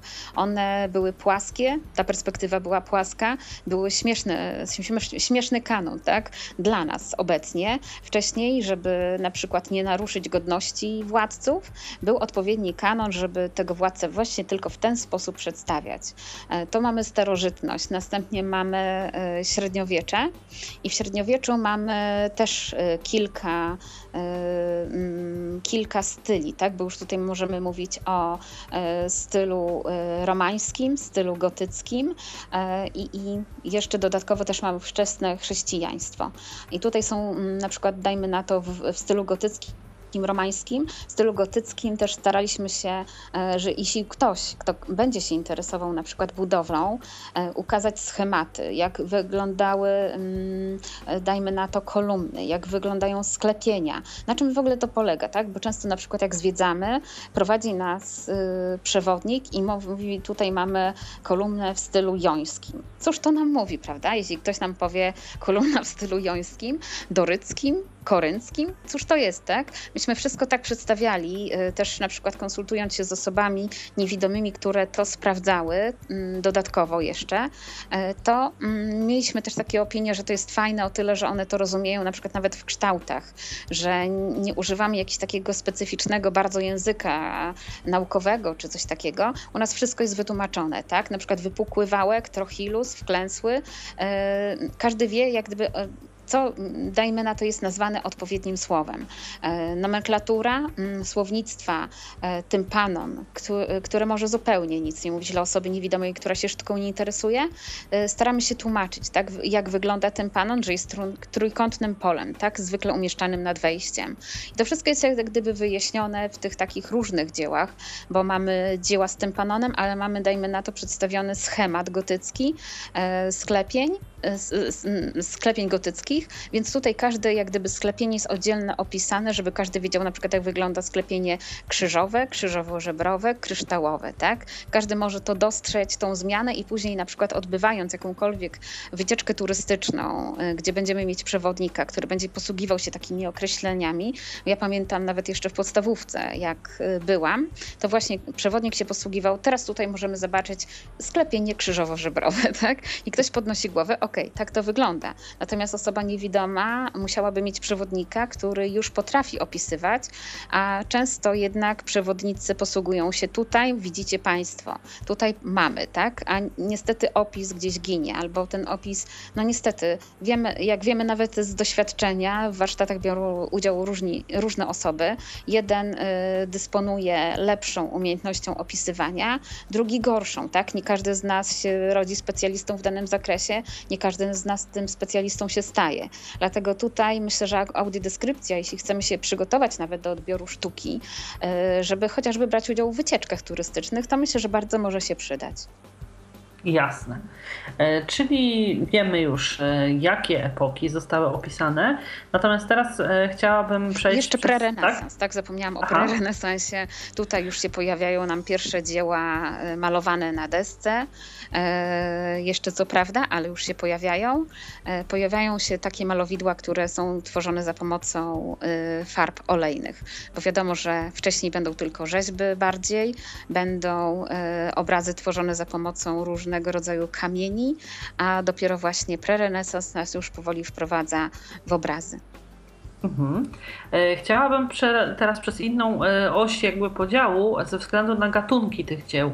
E, jakiego rodzaju dzieła? Bo rozumiem, że jest e, bardzo szeroki ten wachlarz od e, przepraszam, jakichś powiedzmy rzeźb, od jakichś malowideł naskalnych przez budowle, obrazy, rzeźby, jakieś elementy wystroju takiego jakby wewnętrznego, tak to ujmę laicko może, budowli ze względu, z podziałem ze względu na style, tak jak te kolumny, o których mówiłaś, e, jakoś gdybyś miała opisać pod kątem właśnie tego podziału na rodzaje mhm. E, dzieł sztuki, to Co możemy to znajdziemy już, można powiedzieć, wszystkie rodzaje, bo znajdziemy obraz, e, znajdziemy rzeźbę, znajdziemy architekturę, znajdziemy mozaikę, znajdziemy malowidło naskalne. Obrazy, wiadomo, obrazy jako ikony także, e, tryptyki, dajmy na to Boscha tryptyk, tak znany tryptyk e,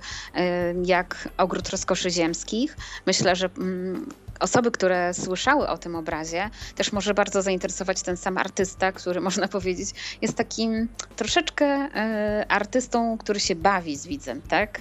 E, niby tworzył w, w momencie, kiedy to Kościół e, dochodził do, do władzy i, i te dzieła były takie bardzo religijne, natomiast on tak trochę się bawi z widzem. Tutaj było też wiele zagadek, takich, które często napotykaliśmy w tworzeniu, takie zagadki, do których musieliśmy docierać przez różne różnego rodzaju kanały, różnymi sposobami. Mm, dajmy na to, same, same tworzenie etykiet do dzieł było bardzo trudne, bo y, wiadomo, że dla osoby niewidomej, kiedy mówimy, że figurka, tak, okej, okay, figurka jest mała, ale jeśli nie powiemy wymiarów, a powiemy, że przedstawia nagą, pulchną kobietę, tak, okej, okay, każdy sobie wyobrazi, natomiast y, jeśli damy wymiary 11 cm, wysokość 11 cm, e, szerokość 6 cm, grubość 4 cm. Pokazuje nam to skalę, tak? Jaka ta kobieta Jasne. rzeczywiście jest szeroka, bardzo pulchna, bo pulchna to wiadomo, oczywiście dodajemy tam też słowa, akurat to jest mm, przykład Wenus z Willendorfu, zachęcam. E, bardzo ciekawa, mm, ciekawa rzeźba. E, I, I dlaczego tak wyglądała? Też jest to wyjaśnione. To też znajdziemy e, wyjaśnienie w analizie, ale także w ciekawostkach, bo zawsze sama audiodeskrypcja kończy się tak zwanym kontekstem kulturowym, którym częściowo kilka słów już przedstawia na przykład nam, e, coś mówi nam o tym dziele, sam pozwala nam dokonać pewnej interpretacji, czy też na przykład Stonehenge, ogromne monolityczne budowle e, opisaliśmy na zasadzie rekonstrukcji. Zawsze jak mamy na przykład bardzo zniszczoną budowlę, opisujemy ją na podstawie najbardziej prawdopodobnych rekonstrukcji, albo w etykiecie przytaczamy na przykład jak wyglądała budowla za czasów danego cesarza, tak? E, także tutaj na przykład w Stonehenge to mieliśmy e, stworzoną rekonstrukcję, zobaczymy e, poprzez opis, jak to naprawdę wyglądało, a teraz jak to jest zniszczone, tak? Wszystkie te kamienie są, można powiedzieć, powalone, mm, zniszczone mocno, natomiast w, samym, w samej audiodeskrypcji staraliśmy się pokazać to za czasów swojej świetności, tak? Jak to dobrze wyglądało. Jasne.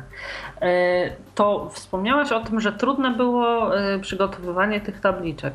E, tak, etykiet. Mhm. Jest, przepraszam, etykiet oczywiście. Jest bardzo duży wachlarz tych dzieł. Jest też do ujęcia ta przestrzeń i zmiany w sztuce pomiędzy poszczególnymi epokami. Co w opisach stanowiło największą trudność? Czy to był ten język, czy to było oddawanie tych e, właśnie różnic pomiędzy dziełami z poszczególnych epok, czy też e, jakby przełożenie tego, tych e, jakby e, form wizualnych na niewizualne? Mhm. Same etykiety, tutaj ogromny ukłon w stronę naszych audiodeskryptorów, którzy pisali do muzeów, do Aten, nawet do e, Muzeum e, w Watykanie, chociaż nie dostaliśmy odpowiedzi na temat Afrodyty Knidyjskiej, nagiej kobiety, która tak bulwersuje niektórych ale wiele muzeów nam odpowiedziało. Włochy, mm, Grecja, e, wiele informacji dostawaliśmy, bo nawet na stronie gdzie, danego muzeum, gdzie to dzieło funkcjonuje, zwykle przedstawiany jest wymiar jeden, dajmy na to tylko wysokość, tak? E, albo w ogóle wymiaru nie ma. Nam często brakowało tych wymiarów, mhm. brakowało nam takich podstawowych informacji, które muszą się znaleźć koniecznie w etykiecie, żeby to dawało w ogóle jakikolwiek, jaki, jakikolwiek e, sens dla czym to dzieło już jest, tak, na sam początek. Natomiast y, kolejna rzecz to tworzenie opisu. Wiadomo, że opis y, kieruje się pewnymi zasadami, między innymi linearnością, między innymi wrażeniowością. Tak, ja na to szczególny nacisk kładę zawsze dla audiodeskryptora, żeby pamiętał, że musi być opis wrażeniem, tak? On musi oddziaływać na widza. To jest niesamowita sztuka. To należy do już, wiadomo, każdego człowieka. Ja staram się zawsze pomagać, żeby ten opis był wrażeniowy. Wiadomo, że być może jeszcze ktoś lepszy by się znalazł, kto by jeszcze bardziej wrażeniowy wrażeniowo to opisał. Kiedyś mieliśmy taką kobietę na warsztatach, y, która y, poza grupą, tak? Była grupa, która tworzyła. Ona powiedziała, że ona chciałaby samodzielnie stworzyć. Nie ma problemu, usiadła. i opis był przecudowny, tak? Że ona nie napisała na przykład kwadratowy obraz. Ona zaczęła na przykład swój opis kwadrat obrazu, tak, to już stwarza inne wrażenie, inne odczucie. Mhm. I naprawdę prześwietnie, moim zdaniem, w taki, taki kubistyczny sposób oddała formę i, i to, to wrażenie, tak, które ten obraz wywołuje. Ja jestem za tym właśnie, żeby każdy, kto tworzy opis, nie tylko linearnie, tak, bo opis audiodeskrypcji składa się z takich kilku części. Mamy opis ogólny, w którym przedstawiamy kompozycję i temat dzieła. E, to, to zwykle są takie dwa pierwsze, trzy zdania wprowadzające. Czasami opis ogólny zlewa się z opisem szczegółowym, który już nas wprowadza w tak głębiej, zagłębia nas tą historię. E, też na przykład jak opisujemy dzieła, e, to staramy się na przykład jeśli to jest obraz, tworzyć pewnego rodzaju historię, tak? Ta narracja, która jest już stworzona, my ją tylko odzwierciedlamy, my jej nie tworzymy, tworzy ją wiadomo artysta i tak samo w filmie. Nie tworzymy narracji, bo narracja jest już stworzona przez artystę.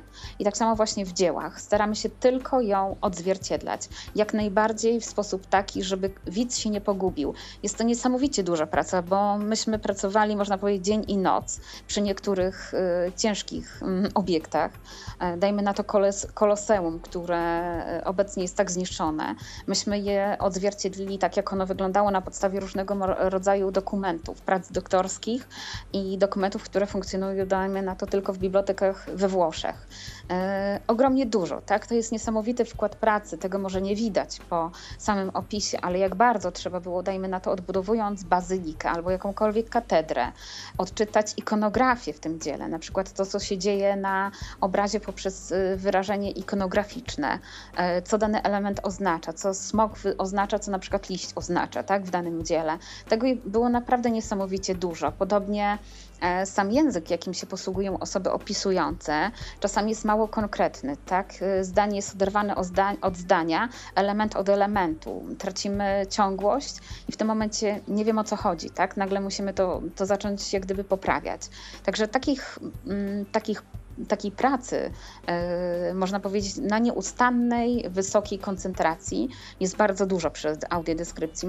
Oczywiście możemy to stworzyć tak zwyczajnie, ale e, pracujemy z takimi ludźmi, na, dla których zależy na tym, żeby właśnie osoba niewidoma miała możliwość dostrzeżenia tej, tej przepięknej e, formy, tak? tego, co jest najcenniejsze w tym dziele. Dlatego mam nadzieję, że osoby niewidome, które będą to czytać, będą doświadczać tych dzieł, docenią to, jak wiele pracy te osoby, które tworzą audiodeskrypcję, włożyły w to. Tak? Jest to naprawdę ogrom, można powiedzieć taki ogrom, że sami się tego nie spodziewaliśmy, że tak dużo będzie nas te pracy kosztować, bo mówię, dzień, noc to, to naprawdę mało. Czasami jedno dzieło mm, tworzyliśmy przez 3-4 dni. E, także i to można powiedzieć pracy ustawicznej, dwie godziny snu i dalej do pracy. I, i tak zawsze gdzieś zostawało coś, co byśmy jeszcze poprawili, jeszcze, jeszcze chcieli dopracować, bo cały czas coś, coś dochodzi, nowe odkrycia. Jak opisywaliśmy jaskinię Lascaux, ok, opisywaliśmy jedno dzieło, najpierw mm, wybrany fragment, który udało nam się znaleźć na licencji Creative Commons, czyli żeby to dzieło było darmowe, żeby zdjęcie umieścić na stronie. Natomiast jak doszliśmy do wniosku, że jest to wycinek, to tak trochę trudno dla osoby niewidomej dawać tylko wycinek ogromnego malowidła. Rozszerzyliśmy to zatem i to już jest przepiękne, jak y, twórcy i dopiero ja się sama zachwycałam, bo w tym wycinku tego tak nie było widać. A jak pokazaliśmy całą tą ścianę z, te, z tego jednego, z, y, można powiedzieć, salonu, E, w tym momencie to też pokazało, jak twórca prehistoryczny już starał się odzwierciać perspektywę, że dalej zwierzę jest, na przykład bliżej jest zwierzę. I to mhm. było naprawdę niesamowite też takie doświadczenie. E, I to wszystko mm, starali, na przykład nad samą e, jaskinią Lascaux e, pracowaliśmy naprawdę bardzo długo, bo każdą salę też na przykład w analizie znajdziemy, tak? Ona jest każda jakoś częściowo opisana, mimo że w audiodeskrypcji jest jedno malowidło, ale całą jaskinię analizowaliśmy, tak? Dochodziliśmy do tego, gdzie jest która sala, bo osoba niewidoma patrzy sobie na e, roz, rozrysowane korytarze i widzi, tak? Natomiast osoba niewidoma nie znajdzie. Myśmy niesamowitą przekopali ilość materiałów, żeby odnaleźć i wszystko połączyć w jedno, te wszystkie informacje, która, która sala jest gdzie, co w której sali się znajduje, co gdzie znaleziono. Także naprawdę ogrom pracy.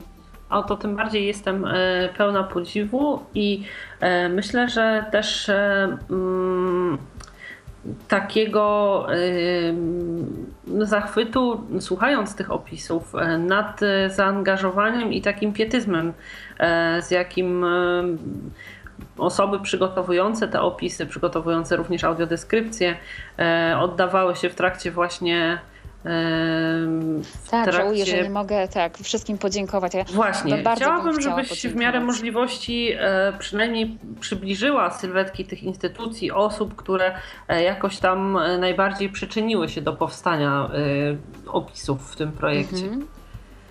E, może zacznę od e, osób tworzących audiodeskrypcję, chociaż wiadomo, że e, jedna i druga część dzieła jest ważna, zarówno audiodeskrypcja, jak i analiza, ale Agnieszka Kramza, mhm. dziewczyna niesamowita wprost, to jest nasz detektyw od dzieł sztuki, bo jak tylko mamy problem, puszczamy Agnieszkę i ona niczym kret wszędzie zajdzie, wszędzie zajrzy, ona nie będzie spała, ona do wszystkiego dojdzie, ona będzie wszystkie teksty tłumaczyła, jak jakiekolwiek znajdzie, niemieckie, e, będzie kontaktowała się z Niemcami, żeby wytłumaczyć ten tekst, e, bo też na przykład opisując budowlę, no niesamowite rzeczy odkrywała. E, to jest taki nasz odkrywca, można powiedzieć. Wszystko odkryje, wszędzie zajrzy. Dla niej budowa dzieła jest tak ważna. Ona zresztą studiowała historię sztuki i do tego bardzo też przykłada ogromną rolę, żeby osobie niewidomej dać to właśnie ten pietyzm, to namaszczenie do tego dzieła. Ona je stworzy, tak? Ona tą formę będzie pieściła tak mocno, że aż ją dopieści, tak? Że to będzie naprawdę dzieło, które, które przekaże to, co ważne. E, kolejna osoba, e, też e, artystka, Aleksandra Niedzielska-Sarnes. Bardzo mi się też z Olą świetnie pracowało. Niektóre noce miałyśmy takie śmieszne, na przykład jak opisywałyśmy konny portret, teraz mi wypadło z głowy, nie powiem teraz kogo, ale Marka Aureliusza, już mi przyszło do głowy. To też było, pewne sytuacje były śmieszne, tak jak analizowałyśmy różne rodzaju gesty, które wyrażają dane postacie, czy ta ręka na przykład była uniesiona, czy opuszczona, czy do ludzi, czy coś ona pokazywała, ale takie naprawdę już w pewnym momencie dostawaliśmy takiej głupawki po tych nocach nieprzespanych, że, że Mareczek jest na koniu, tak, że już te, już te dzieło gdzieś tam się stawało takie bardziej śmieszne niż takie poważne, bo wiadomo, są dzieła bardziej, które przemawiają, aż tak wzruszają. Są dzieła też takie bardziej rzymskie. Mm, w moim odczuciu rzymskie dzieła, e, owszem, piękne, bo mamy na przykład Łuk Konstantyna, e, zupełnie już inne dzieło, inaczej do nas przemawia, a Marek Aureliusz na e, koniu, chociaż koń jest piękny, koń jest bardzo ładnie przedstawiony, ja też uwielbiam konie, ale jednak w jakimś momencie też e, były te prace takie śmieszne, że mogłyśmy się też trochę pośmiać z różnych mm, punktów widzenia, patrząc na to dzieło. Kolejna osoba, e, Karolina Kleszcz-Gulcz, e, to jest studentka, niesamowita studentka, którą odkryłam na studiach z audiodeskrypcji. Akurat prowadziłam zajęcia na Uniwersytecie Śląskim, na studiach e, internetowe, dostępne strony internetowe, audiodeskrypcja multimedia i była w moim odczuciu najlepszą studentką. Mm, tak, mm, tak wrażeniowo, tak wrażliwą na to, co opisuje i rzeczywiście można powiedzieć, zdając pracę dyplomową, e, obroniła ją naprawdę wzorowo, na, na szóstkę można powiedzieć i postarałam się też, żeby znalazła się w naszym projekcie, bo uważam, że ma duży potencjał i może opisywać. Kolejne też osoby to na przykład Marta Goligry-Gras z Krakowa, e, pracownik e, mm, na Wawelu. Ona też z nami współpracuje od naszych początków działalności, od 2007 roku. Tworzyła też audiodeskrypcję do panoramy racławickiej, także Marta można powiedzieć, już jest sprawdzonym naszym audiodeskryptorem. E, także analizę tworzył Marty Mąż, który jest historykiem sztuki. E, oraz do analiz zaprosiliśmy historyków sztuki z Warszawy, e, Izabelę Kopanie, Kamila Kopanie. Akurat Iza jest z Państwowej Akademii Nauk, pan Kamil Kopania jest z Uniwersytetu Warszawskiego. Oboje pasjonaci sztuki i bardzo ładnie piszą tak, o sztuce. Na przykład e, mieliśmy ogromny problem przy opisach architektury, dajmy na to przy kościele Hagia Sofia. Jest to bardzo skomplikowana budowla, plan i bryła. E, żeby to zrozumieć, dziewczyny mm, najpierw opisywała mi to jedna osoba, później skontaktowaliśmy się już z kolejną osobą i one cały czas wprowadzały mnie na ścianę. Mm, nie wiedziały, jak to robią, ale one cały czas wyprowadzały mnie na ścianę. Podajmy na to, jeśli wyobrazimy sobie ścianę, ścianę, która jest przed nami, e, wokół niej półkolem e, postawimy e, kolumny, i w tym momencie też mówią mi, że po lewej y, jest y, ścian, jest wejście. Tylko, że tam było, y, stoi budynek, jak gdyby prosto, mm, stoi prostopadle do tej ściany naszej, która jest przed nami i dziewczyny wyprowadzają mnie z kolumn i mówią, że po lewej jest wejście. Ja mówię, że tam jest przecież ten, ta bryła, tak? Ja wchodzę na ścianę. One mówią, że nie. Ja mówię, że tak. I dopiero na przykład czytając analizę pani Izy Kopani, zobaczyłam o co chodzi tak? Zrozumiałam całą budowlę, bo przepięknie wytłumaczyła. Powiedziała, jak to można sobie wyobrazić. Okazało się, że popełniały pewien błąd, tak? Prowadząc mnie, wyprowadzały mnie rzeczywiście na ścianę. To takie bardzo, mm, można powiedzieć, błędy niezauważalne ale, ale y, niejednokrotnie spotykane. Szczególnie właśnie przy architekturze, gdzie mówimy naprzeciwko y, wejścia y, schody. Ja mówię, jak mogą być schody, skoro naprzeciwko wejścia była już widownia, tak? Od, na przykład dajmy na to, stoi widownia, która biegnie do przodu. My do tej widowni mamy wejść od lewej. No, y, jeśli jest widownia, widownia jest podniesiona, no to wiadomo, że jak wejdziemy naprzeciwko, y, mamy y, wejście po lewej, to wejdziemy na tą widownię jakby na jej ścianę. Okazało się, że muszę, że wejście nie jest postawione naprzeciwko schodów, ale prostopadle, tak, do, do tej widowni. I w tym momencie ja wchodzę równolegle do widowni i rzeczywiście przede mną mogą być schody. I takich yy, opisów, które stwarzały problemy dla osoby tworzącej przez wyobraźnię. Na przykład ja wiem, że osoba niewidoma porusza się bardzo szybko w przestrzeni. To, to jak gdyby dla mnie jest logiczne, bo musi. Żyjąc, na przykład ktoś, kto żyje całkowicie niewidome w przestrzeni, musi ją szybko sobie wyobrażać, musi szybko ją budować, tak? W momencie, kiedy jest osoba widząca i widzi, co opisuje, ona nie do końca posługuje się konkretnymi sformułowaniami, nie tak precyzyjnymi, żeby móc bezpośrednio i szybko szybko doprowadzić osobę niewidomą do celu.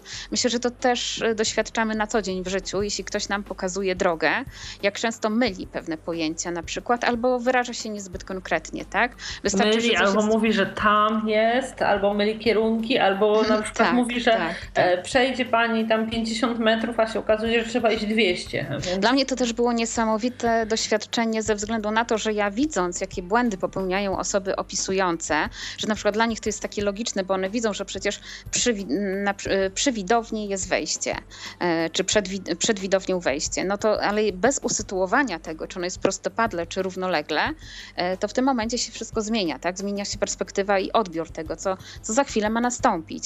I to budowanie przestrzeni było najtrudniejsze dla osób niewidomych. Właśnie budowanie przestrzeni, jeśli mamy do czynienia z takimi budowlami przestrzennymi i to mocno, tak? Na przykład e, z bardzo skomplikowanym planem.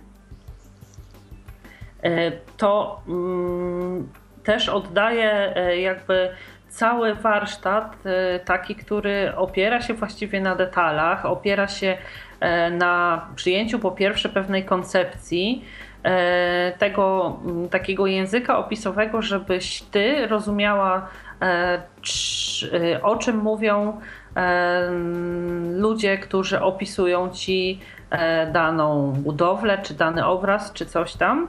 E, ale też, żebyś potrafiła ich pytać w taki sposób, żeby oni precyzyjnie i konkretnie e, wiedzieli jakby e, co i jak ty sobie wyobrażasz, tak? Żeby potrafili pójść za tobą po to, żeby móc ci wytłumaczyć, jak faktycznie coś tam się przedstawia, tak? Więc... Tak, tylko zawsze mm, myślę o sobie jako osobie, która nie jest jedyną. Mhm. Wiem, że ktoś inny może inaczej coś odbierać, tak? Ja zawsze staram się uczulać, na przykład jak rozmawiam z osobami, z którymi współpracujemy, ja mówię, nie możecie patrzeć na mnie jako na, na nie wiem, na, swoje, tak? na swoją wyrocznię, bo ja nią nie jestem, tak? Ja mogę wam wiele powiedzieć, ale ja mówię, ja wszystkiego wam nie powiem, tak? Ja mówię, najwięcej daje rozmowa z osobami niewidomymi, tak? Które się napotka, bo zobaczycie, jak wiele jest doświadczeń, jak wiele osoby niewidome doświadczają w różny sposób, ale jeszcze jest przede wszystkim to, żeby na przykład tworzyć audiodeskrypcję, to nie wystarczy być po prostu osobą niewidomą. Też trzeba rozumieć obraz, który się opisuje, coś się opisuje, tak? E, zwyczajnie ktoś, kto nigdy nie miał doświadczenia z obrazem i będzie konsultował obraz, on przyjmie wszystko, tak? Na przykład powie tylko, że nie rozumie, ktoś to ułoży, ok, ale czy ułożył dobrze? Ja tego na przykład też osobiście konsultując, ja wiem, że ja y, mogę pewne rzeczy skonsultować, ale w ostateczności najlepiej jak się jeszcze temu ktoś przyjrzy, tak? Bo na przykład y, coś wyłapie, ale coś mi może przemknąć. Nie jest nigdy tak stuprocentowo, że, że wiemy, że to jest 100 na 100. Staramy się i to bardzo, naprawdę tyle, tyle, ile czasu poświęcamy temu, ale później znajdujemy jedno słowo, które kurcze zgrzyta, tak? które tutaj powinno być zmienione. Staramy się to naprawiać. Mam nadzieję, że będziemy to w jakiś sposób naprawiać, jeśli y, gdziekolwiek je znajdziemy, y, ale pracujemy, tak? Mam nadzieję, że pracujemy e, i, i, i, na tyle staramy się o to, żeby było dobrze to zrobione i z różnych perspektyw podchodzimy do tego, jak najbardziej z różnych perspektyw, ale zawsze ważna jest dla nas czytelność. E, na przykład mówię dla osoby widzącej, żeby czytała to dla swojego męża, dla swojej żony, e, żeby czy ta osoba, nie widząc tego dzieła, też potrafi je zobaczyć, tak? Bo wiadomo, że osoba na przykład z panoramy racławickiej bardzo z audiodeskrypcji chętnie korzystają dzieci. Dzieci widzące, bo im się wzrok nie ślizga po obrazie, tak, tak ogromnym obrazie. E, mhm. Dlatego też na przykład osoba widząca, która nigdy tego dzieła nie widziała, a usłyszy obraz, też będzie musiała się połapać, co gdzie jest. E, I te, I te perspektywy właśnie wykorzystujemy po to, żeby obraz był na tyle płynny, na tyle e, przyswajalny, żeby wyobraźnia osoby niewidomej nie musiała się męczyć. Jeśli ktoś jest zmęczony bardzo, wiadomo, że audiodeskrypcja działa na wyobraźnię i będzie powodować, spowodowała, że ten proces jest odczuwalny, e, że e, ktoś, kto przejdzie 21 dzieł z audiodeskrypcją, nie wyjdzie świeży jakby po e, saunie, jakby po spa. Jednak Rozumiem, proces... czyli, że trzeba sobie dawkować przyjemność zapoznawania się z poszczególnymi dziełami, e, lepiej tak. nie robić ja tego bym, naraz. Ja bym to proponowała nawet jedno dzieło, żeby móc się, ja nawet osobom, które opisują, radzę, jeśli mamy jedną z zasad audiodeskrypcji obserwację, to radzę robić to w ten sposób. Oglądamy dzieło, z 5, nawet y, w Ameryce proponuje się do 30 minut. Cały czas ten sam obraz, tak? Ogląda się.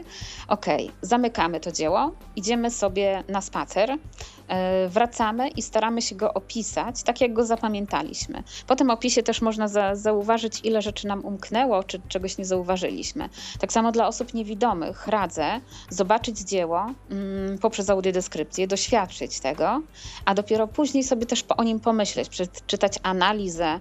Najpierw nawet, żeby to był taki odbiór indywidualny, co ja z tego zrozumiałem, a później na przykład wzbogacić to o właśnie kontekst, tak, jak to dzieło rzeczywiście w tym kontekście gdzie powstawało w jakiejś historii i przez kogo było tworzone, zaistniało. Myślę, że to naprawdę też da osobie niewidomej takie poczucie obcowania bliższe z tym dziełem. Jasne, bo nie będzie to e, jedynie przyjęciem e, opisu, ale też e, troszeczkę taką jakby szkołą własnej interpretacji, że to, co z tego odpisu, opisu, przepraszam, osoba niewidoma wyniesie, będzie mogła skonfrontować z tym, co było właśnie w zamieszczone w analizie dotyczącej e, kontekstu jego powstawania i trochę takim sprawdzeniem e, może siebie, na ile e, dobrze rozumiemy tą sztukę audiodeskrybowaną. Rozumiem, że ponieważ udało się Wam wypracować, to znaczy Wam, wam jako fundacji i osobom, które również były zaangażowane w ten projekt, jakiś taki już język komunikacji i taką ścieżkę postępowania w aspekcie przygotowywania kolejnych dzieł, E, w przypadku tych e, następnych, które planujecie opracowywać, e, ten, że tak powiem, taki modus operandi będzie podobny, tak? Tutaj Nam też... pierwsza, pierwsza część projektu dała też duże doświadczenie, ile czasu to zajmuje, tak?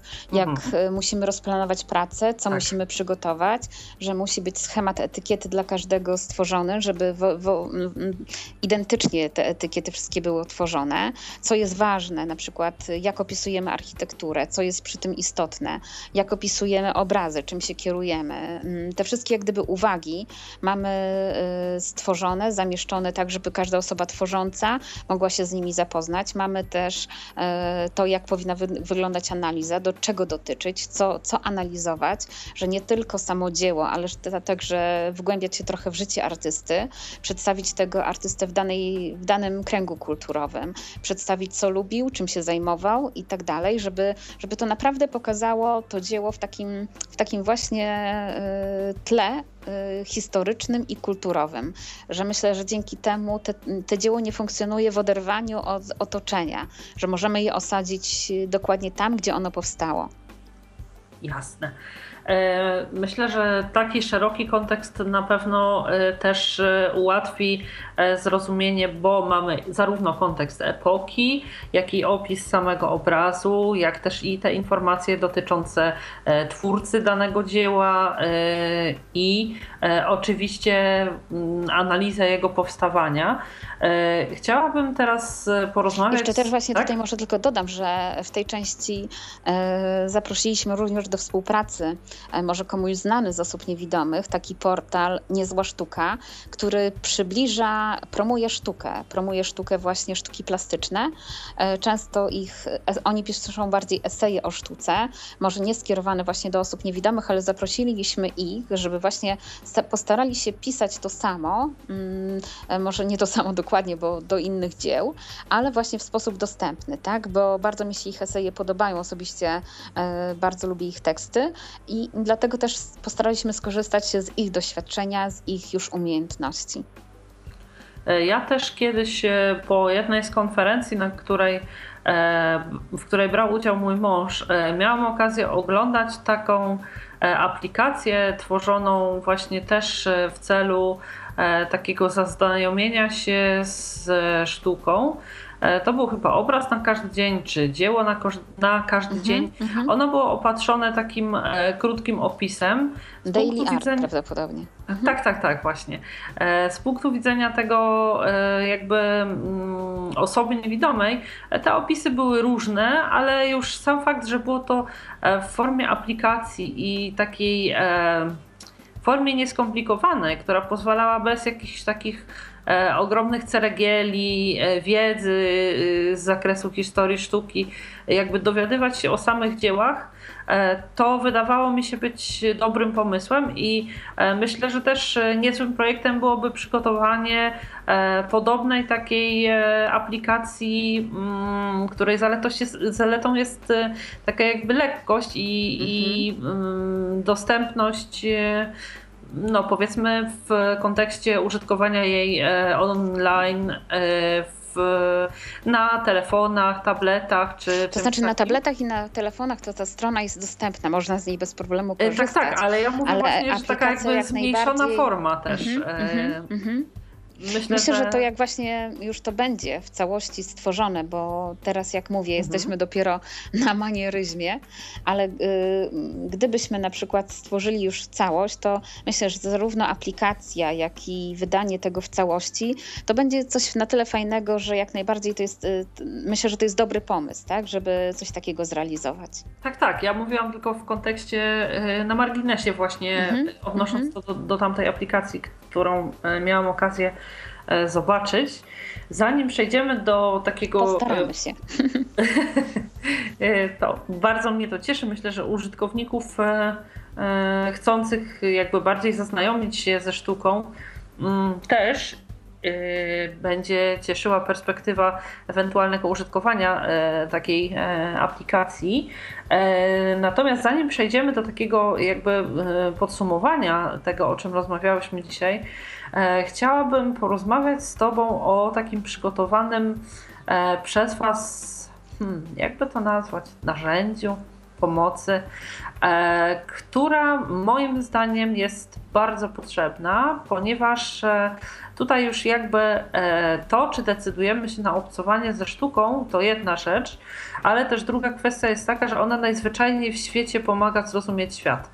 E, mhm. Chodzi mi o planetę barw, dotykową planetę barw, paletę, przepraszam, e, która mm, jakby właśnie też e, ten kontekst wizualny barw e, pomaga przełożyć na taki e, kontekst zrozumiały dla osób niewidomych. Żebym znowu nie powiedziała czegoś nie tak jak trzeba, chciałabym, żebyś w miarę możliwości opisała, czym jest, jak działa, mhm. komu służy i, i bo ja uważam, że to jest po prostu fenomenalna kwestia, dlatego że dzięki takiej palecie raz na zawsze można skończyć z powiedzeniem, że się z kimś rozmawia, e, jak tam e, mówiąc ze ślepym o kolorach. Tak? Dokładnie, tak? mnie to bardzo też irytuje zawsze, bo właśnie odwołuję się zawsze do swojej pracy z dziećmi niewidomymi i pamiętam, jak to im dużo dawało. Poza tym ja uważam, że świat barw to jest coś takiego, co um, też y, jakoś tam y, jakby kompletna nieświadomość tego, no bo właściwie wszystko Za chwilę się Michał odezwie i powie, jak to mało dla niego jest istotne.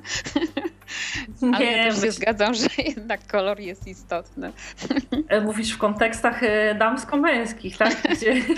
tak, bo kiedyś też pamiętam, robiliśmy audycję właśnie poświęconą e, barwom, bo mm, zupełnie dwa różne zdania, tak? Bardzo mnie to mhm. fascynowało, jak są różne osoby niewidome, osoby niewidome od urodzenia, że jedna osoba niewidoma, która potrzebuje koloru, ona jest z tym kolorem związana, można powiedzieć, od bajki, którą jej mama czytała i tam czarownica miała czarne włosy i ona płakała, bo miała czarne włosy, tak? I, I, to była dziewczynka niewidoma całkowicie. No i też zdanie właśnie Michał, y, Michała, który mówił, że dla niego tak barwa nie jest istotna. Ale panowie Jakoś... generalnie mogą się obejść bez, tak? tak. Coś w tym y, guście. Tak, y, to jeśli mogłabym Cię poprosić o opis, bo z tego co ja czytałam, jest to bardzo przemyślane i też mm, fakt, że jest to od odniesieniem do e, światła e, też wydaje się być taki bardzo inspirujący. To może od razu mm, tak wyjaśnię, bo samą koncepcję y, opracowywałam w odniesieniu do tego, co, czym rzeczywiście jest barwa. Tak? E, y, czytałam wiele z fizyki na temat y, barwy, różnych opracowań i mm, też rozmawiając z Markiem Jakubowskim odnośnie dotykowych palet barw, on powiedział, że takiej palety nie ma. E, że nie funkcjonuje taka paleta stricte, która by przedstawiała barwę. Myśmy na początku opracowali taką koncepcję, jak to większość chyba takich koncepcji, ponoć padały te koncepcje, ale że to dzieci miały powiedzieć nam, jaki kolor widzą. No i myśleliśmy tak, że to będzie takie proste. Dziecko dotknie misia i powie, jaki kolor. brązowy. Nie. tak łatwo nam nie poszło, bo okazało się, że misie mogą być różne i dzieci mają takie schematy, na przykład, że mają misia różowego. No i dziewczynka w tym momencie nas totalnie kładzie, bo, bo miś nam nie może być brązowy. Na przykład też spotykaliśmy się z takimi odnośnikami, że e, przecież liść jest zawsze zielony. E, no tak, pewne żebyśmy... schematy jakoś przenikają, tak? Mm, tak. Nawet I te jeśli ta zieleń uniwersalne jak najbardziej jestem za, żeby je mhm. wykorzystać, uh -huh. ale ale nie jestem za tym, żeby zawsze posługiwać się pewnym kolorem, bo słońce nie jest zawsze żółte, prawda? Może, A liście jesienią je nie są zielone już. E, też prawda, dokładnie. E, I dlatego też e, my zrezygnowaliśmy z, z takiego odniesienia, ponieważ nam dzieci wiele rozjaśniły w głowach i powiedziały, no nie, że wam to takie uniwersalne jest, to ok, ale dla nas nie, dla nas to takie uniwersalne skojarzenia nie są, że na przykład to, co dla nas może mieć taki kolor zawsze, no to dla nich nie zawsze. E, I w tym momencie właśnie udałam się do, do fizyki, odwołałam się do fizyki, e, żeby mm, pomyśleć i opracować coś, co ja wiem, że to może być na początku nudne, ale e, barwę możemy tłumaczyć w różnym wieku. Tak? Ja na przykład pamiętam kiedyś rozmowę z Pawłem Podolskim, który nie rozumiał koloru i mu wytłumaczyłam ten kolor i, i pamiętam jego wrażenie. Tak? Pamiętam, jak to mu się spodobało. Pamiętam, jakie, jak, jakie to emocjonalne podejście do tego było. I mm, na przykład właśnie to mnie ujmuje, tak, że tłumaczenie ludziom niewidomym całkowicie e, świata, jak on wygląda, bo żyjemy przecież wszyscy i widzący i niewidomi w tym samym świecie, e, żebyśmy się nie odrywali tak, od światła, od kolorów, a żyli właśnie wśród światła i wśród kolorów. To mm, ta dotykowa paleta barw miała właśnie tłumaczyć między innymi kolory poprzez światło. Wiadomo, że tak jak jest, teraz będę mówiła tak jak jest w rzeczywistości, że światło odbijając się od danej powierzchni, dajmy na to ten lekki strumień, tak jakbyśmy mieli, porównali ten strumień do prysznica, dajmy na to sobie ten strumień pada na jakąś mm, materię, na jakąś powierzchnię i w tym momencie albo będzie się odbijał w jakikolwiek sposób. Wiadomo, że czy ten strumień będzie długi, czy będzie krótki, jaką będzie miał częstotliwość, tak? Bo możemy puścić strumień bardzo mocno i on będzie nam mocno uderzał tą powierzchnię, albo będzie tak delikatny, że będzie po niej spływał, albo dajmy na to mm, w jakiś sposób inny w ogóle oddziaływał z tą powierzchnią. Jak to będzie powierzchnia miękka, to będzie w nią się wchłaniał. I na tej zasadzie tak starałam się właśnie też stworzyć dotykową paletę barw, że to będzie identyczne jak, jak jest w rzeczywistości. Nie na tej zasadzie, że ja będę tutaj snuła opowieści o uniwersalnych skojarzeniach typu liść i, i ziemia, e, jakie mają kolory, a właśnie odniosę się do właściwości, właściwości fizycznych e, barwy. W taki stwo sposób stworzyliśmy bardzo prostą paletę barw, bo ona posiada wytłumaczonych pięć kolorów. Pięć po kolorów podstawowych, dlatego że z takich kolorów podstawowych składa się paleta malarska, czyli w naszej palecie znajdziemy kolory biały, czarny, niebieski, żółty, czerwony. I teraz y, wytłumaczę na jakiej zasadzie, bo każdy będzie mógł posłuchać, jak ona, y, jak każdy kolor, do czego nas odwołuje, jak on w ogóle wygląda y, i dlaczego tak wygląda. Na YouTube YouTubie również mamy zamieszczoną dotykową paletę barw, jej opis. Wiem, że niektóre osoby niewidome jak słuchały to się znudziły, bo e, opis jest też odwołuje się właśnie do właściwości fizycznych. Ale nie, nie, też... to nie jest nudne, to jest bardzo ciekawe i e, bardzo to jest obrazowo przedstawione. Ja szczerze mówiąc nie wyobrażam sobie, jak może nudzić to kogoś, zwłaszcza e, kogoś, Wiem, kto, że, że tak powiem, powinien chcieć zrozumieć. Danuta bo... Borowska jednak tak, tak napisała, pamiętam, że coś takiego powiedziała, ale ja się zgadzam, tak? Bo na przykład ktoś nie jest y, chętny do słuchania, ktoś się nie musi interesować, ktoś może się nie wgłębiać, nie chcieć. I ja to przyjmuję, Słuchaj, ja to ja szanuję. nie do końca przyjmuję. Y, pozwolisz, że tutaj e, lekko okay. wejdę w polemikę, bo ja rozumiem, że e, można się nie e, interesować sztuką taką czy owaką, można nie lubić chodzić do opery, można nie lubić chodzić do kina i tak dalej, i tak dalej, ale tak naprawdę są pewne rzeczy, które bez względu na to, czy e, jesteśmy kobietą, mężczyzną, czy dzieckiem, czy osobą dorosłą, czy e, jesteśmy osobą niedowidzącą, niewidomą, ociemniałą.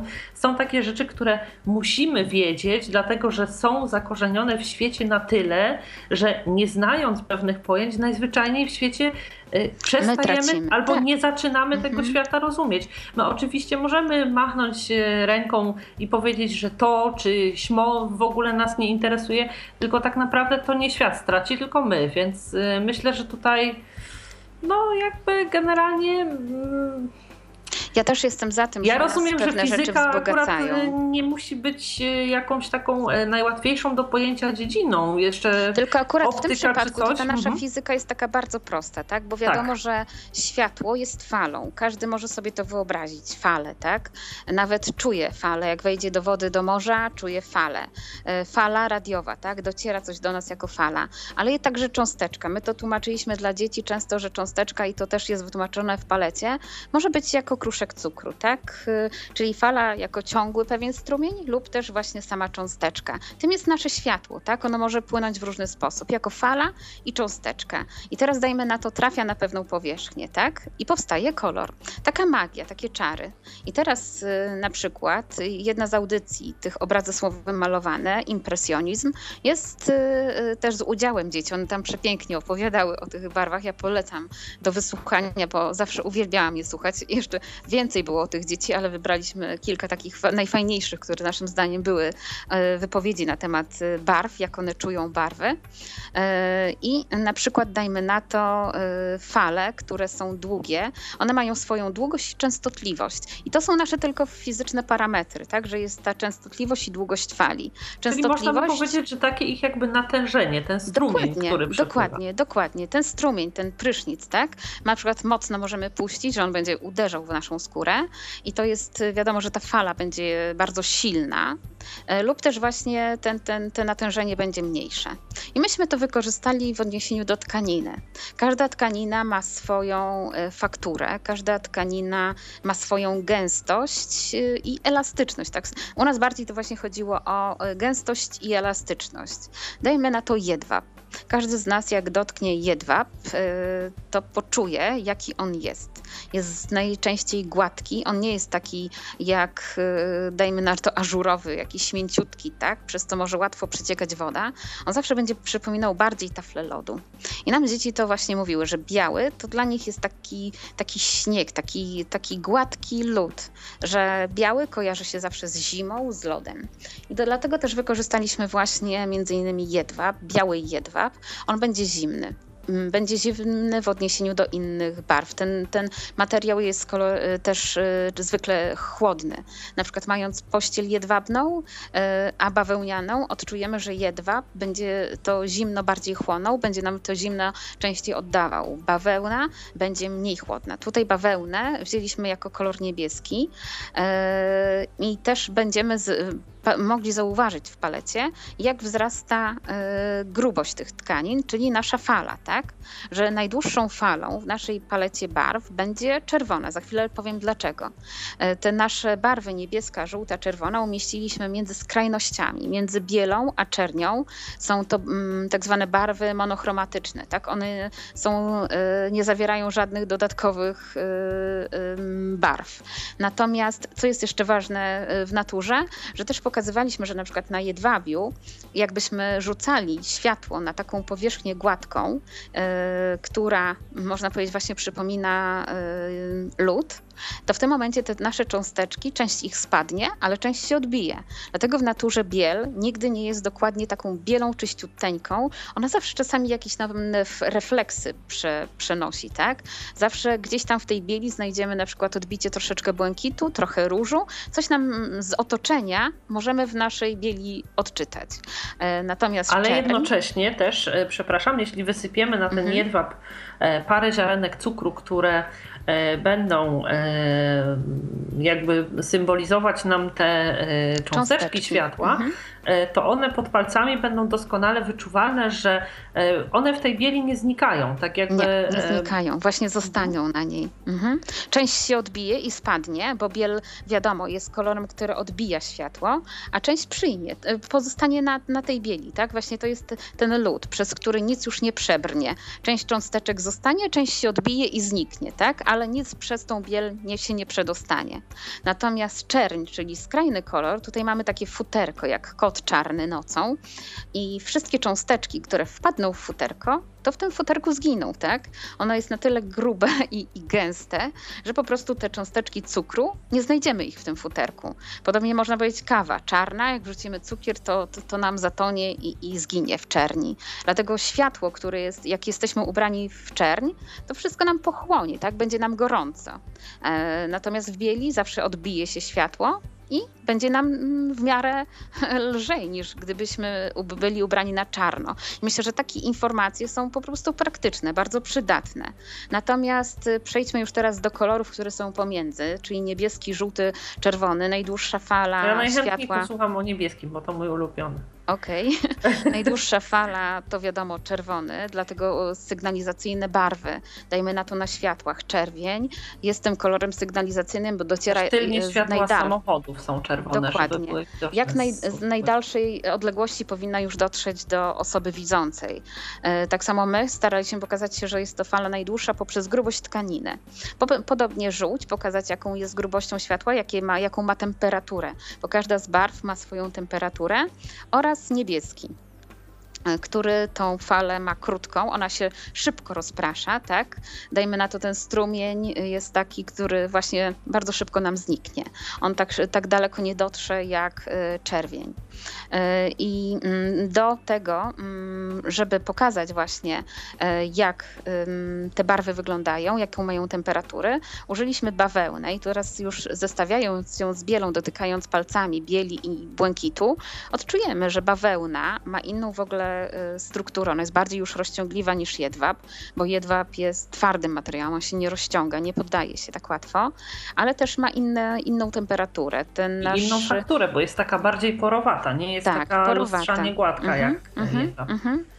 Dokładnie. W ten sposób też na przykład jak dotkniemy, to będziemy czuć, tak, że jedwab jest zimniejszy od bawełny.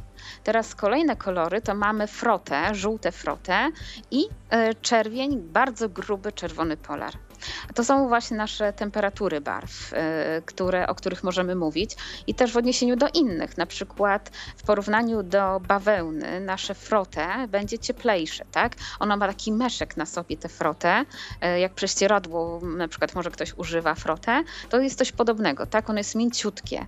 Bawełna też jest miękka, ale nie tak miękka, tak? Żółć już jest cieplejsza. Pokazuje nam właśnie tym swoim puszkiem, że, że jest dużo cieplejsza niż... No właśnie, żółć niż... jest taka bardziej meszkowa niż e, Dokładnie. bawełna. Nawet cytryna, prawda? Jak dotykamy cytryny, ona jest taka jakaś porowata. miękka, bardziej porowata. Mhm. A teraz przejdźmy do czerwieni, czyli ten nasz najbardziej gorący kolor, czerwony. Dzieciom też się zawsze kojarzył z ogniem, z czymś ciepłym bardzo, z gorącym i z sercem, z miłością. I u nas jest bardzo ciepły polar, tak? W taki polar najchętniej byśmy się otulili, kiedy jest zimno. I też jeśli zestawimy sobie palcami, na przykład czerwony polar, cieplutki, mięciutki, bo, bo tutaj mamy dużą częstotliwość, ten materiał jest najbardziej rozciągliwy e, i na przykład dotkniemy do bieli, tak? Poczujemy, co jest ciepłe, co jest zimne. Dotkniemy błękitu, dotkniemy czerwieni też, żółci czerwieni też dotkniemy. Poczujemy, który jest bardziej. Jak na przykład ze sobą zestawiamy barwy, ubieramy się, tak? To każdy z nas na przykład będzie wiedział, że możemy się ubrać tak i jak to będzie na siebie oddziaływało, tak? Jak na przykład to, w czym jesteśmy ubrani, może oddziaływać na innych, że kolor czerwony jest takim kolorem krzykliwym, jest takim kolorem mocnym, silnym kolorem, natomiast y, bardziej stonowany jest na przykład kolor niebieski, tak? I w tym momencie, gdyby też dla osoby niewidomej, moim, w moim odczuciu, to powinno coś dawać w życiu praktycznym, tak zwyczajnie, żeby zrozumieć, czym ta barwa jest. I tutaj e, rozdając te palety, bo wysłaliśmy je, można powiedzieć, do wielu miejsc, już teraz nie, nie przypomnę sobie, ale to było bardzo dużo instytucji kultury, ale i wszystkie ośrodki e, dla dzieci niewidomych mm, oraz szkoły integracyjne takie palety dostały. I One były przykład... jeszcze z płytą z opisem, prawda? Do... Tak, e, dokładnie. Mhm. Jest e, właśnie ta płyta obrazy słowem malowane razem z audycjami, bo to miała być taka pomoc dydaktyczna do prowadzenia zajęć plastycznych. Wiem, że nawet nauczyciele widzący z tego, z dziećmi widzącymi z tego korzystają, chociażby w gimnazjach i w ogólniakach, kiedy mają wiedzę o kulturze, żeby na przykład przedstawić jakieś dzieło, że to jest dla nich na, na tyle ciekawa forma. Ale tutaj mm, też się odniosę do czegoś takiego jak spotkanie nasze z nauczycielami, nauczycielami na ulicy Tynieckiej w Krakowie, gdzie mm, widziałam, jak bardzo różnią się sami nauczyciele.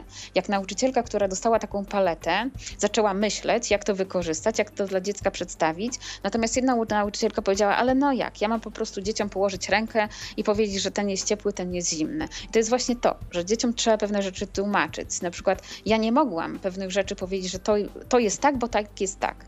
Nie, dzieciom trzeba wytłumaczyć na przykład, dlaczego tak jest, tak, że, że te, te światło nasze jest właśnie tą falą, tą cząsteczką, zderza się z różnymi powierzchniami, tylko do tego trzeba mieć też zaangażowanie. I wiem, że na przykład w Krakowie była nawet nauczycielka, która dzieci uczyła dotykowo mm, postrzegać barwy i doszła do naprawdę niesamowitych już takich efektów, gdzie dziecko na odległość e, dwóch metrów czuło, jaki kolor ma e, śmietnik, który stał gdzieś obok przystanku. I ona się trochę przestraszyła, tak, do czego doszła.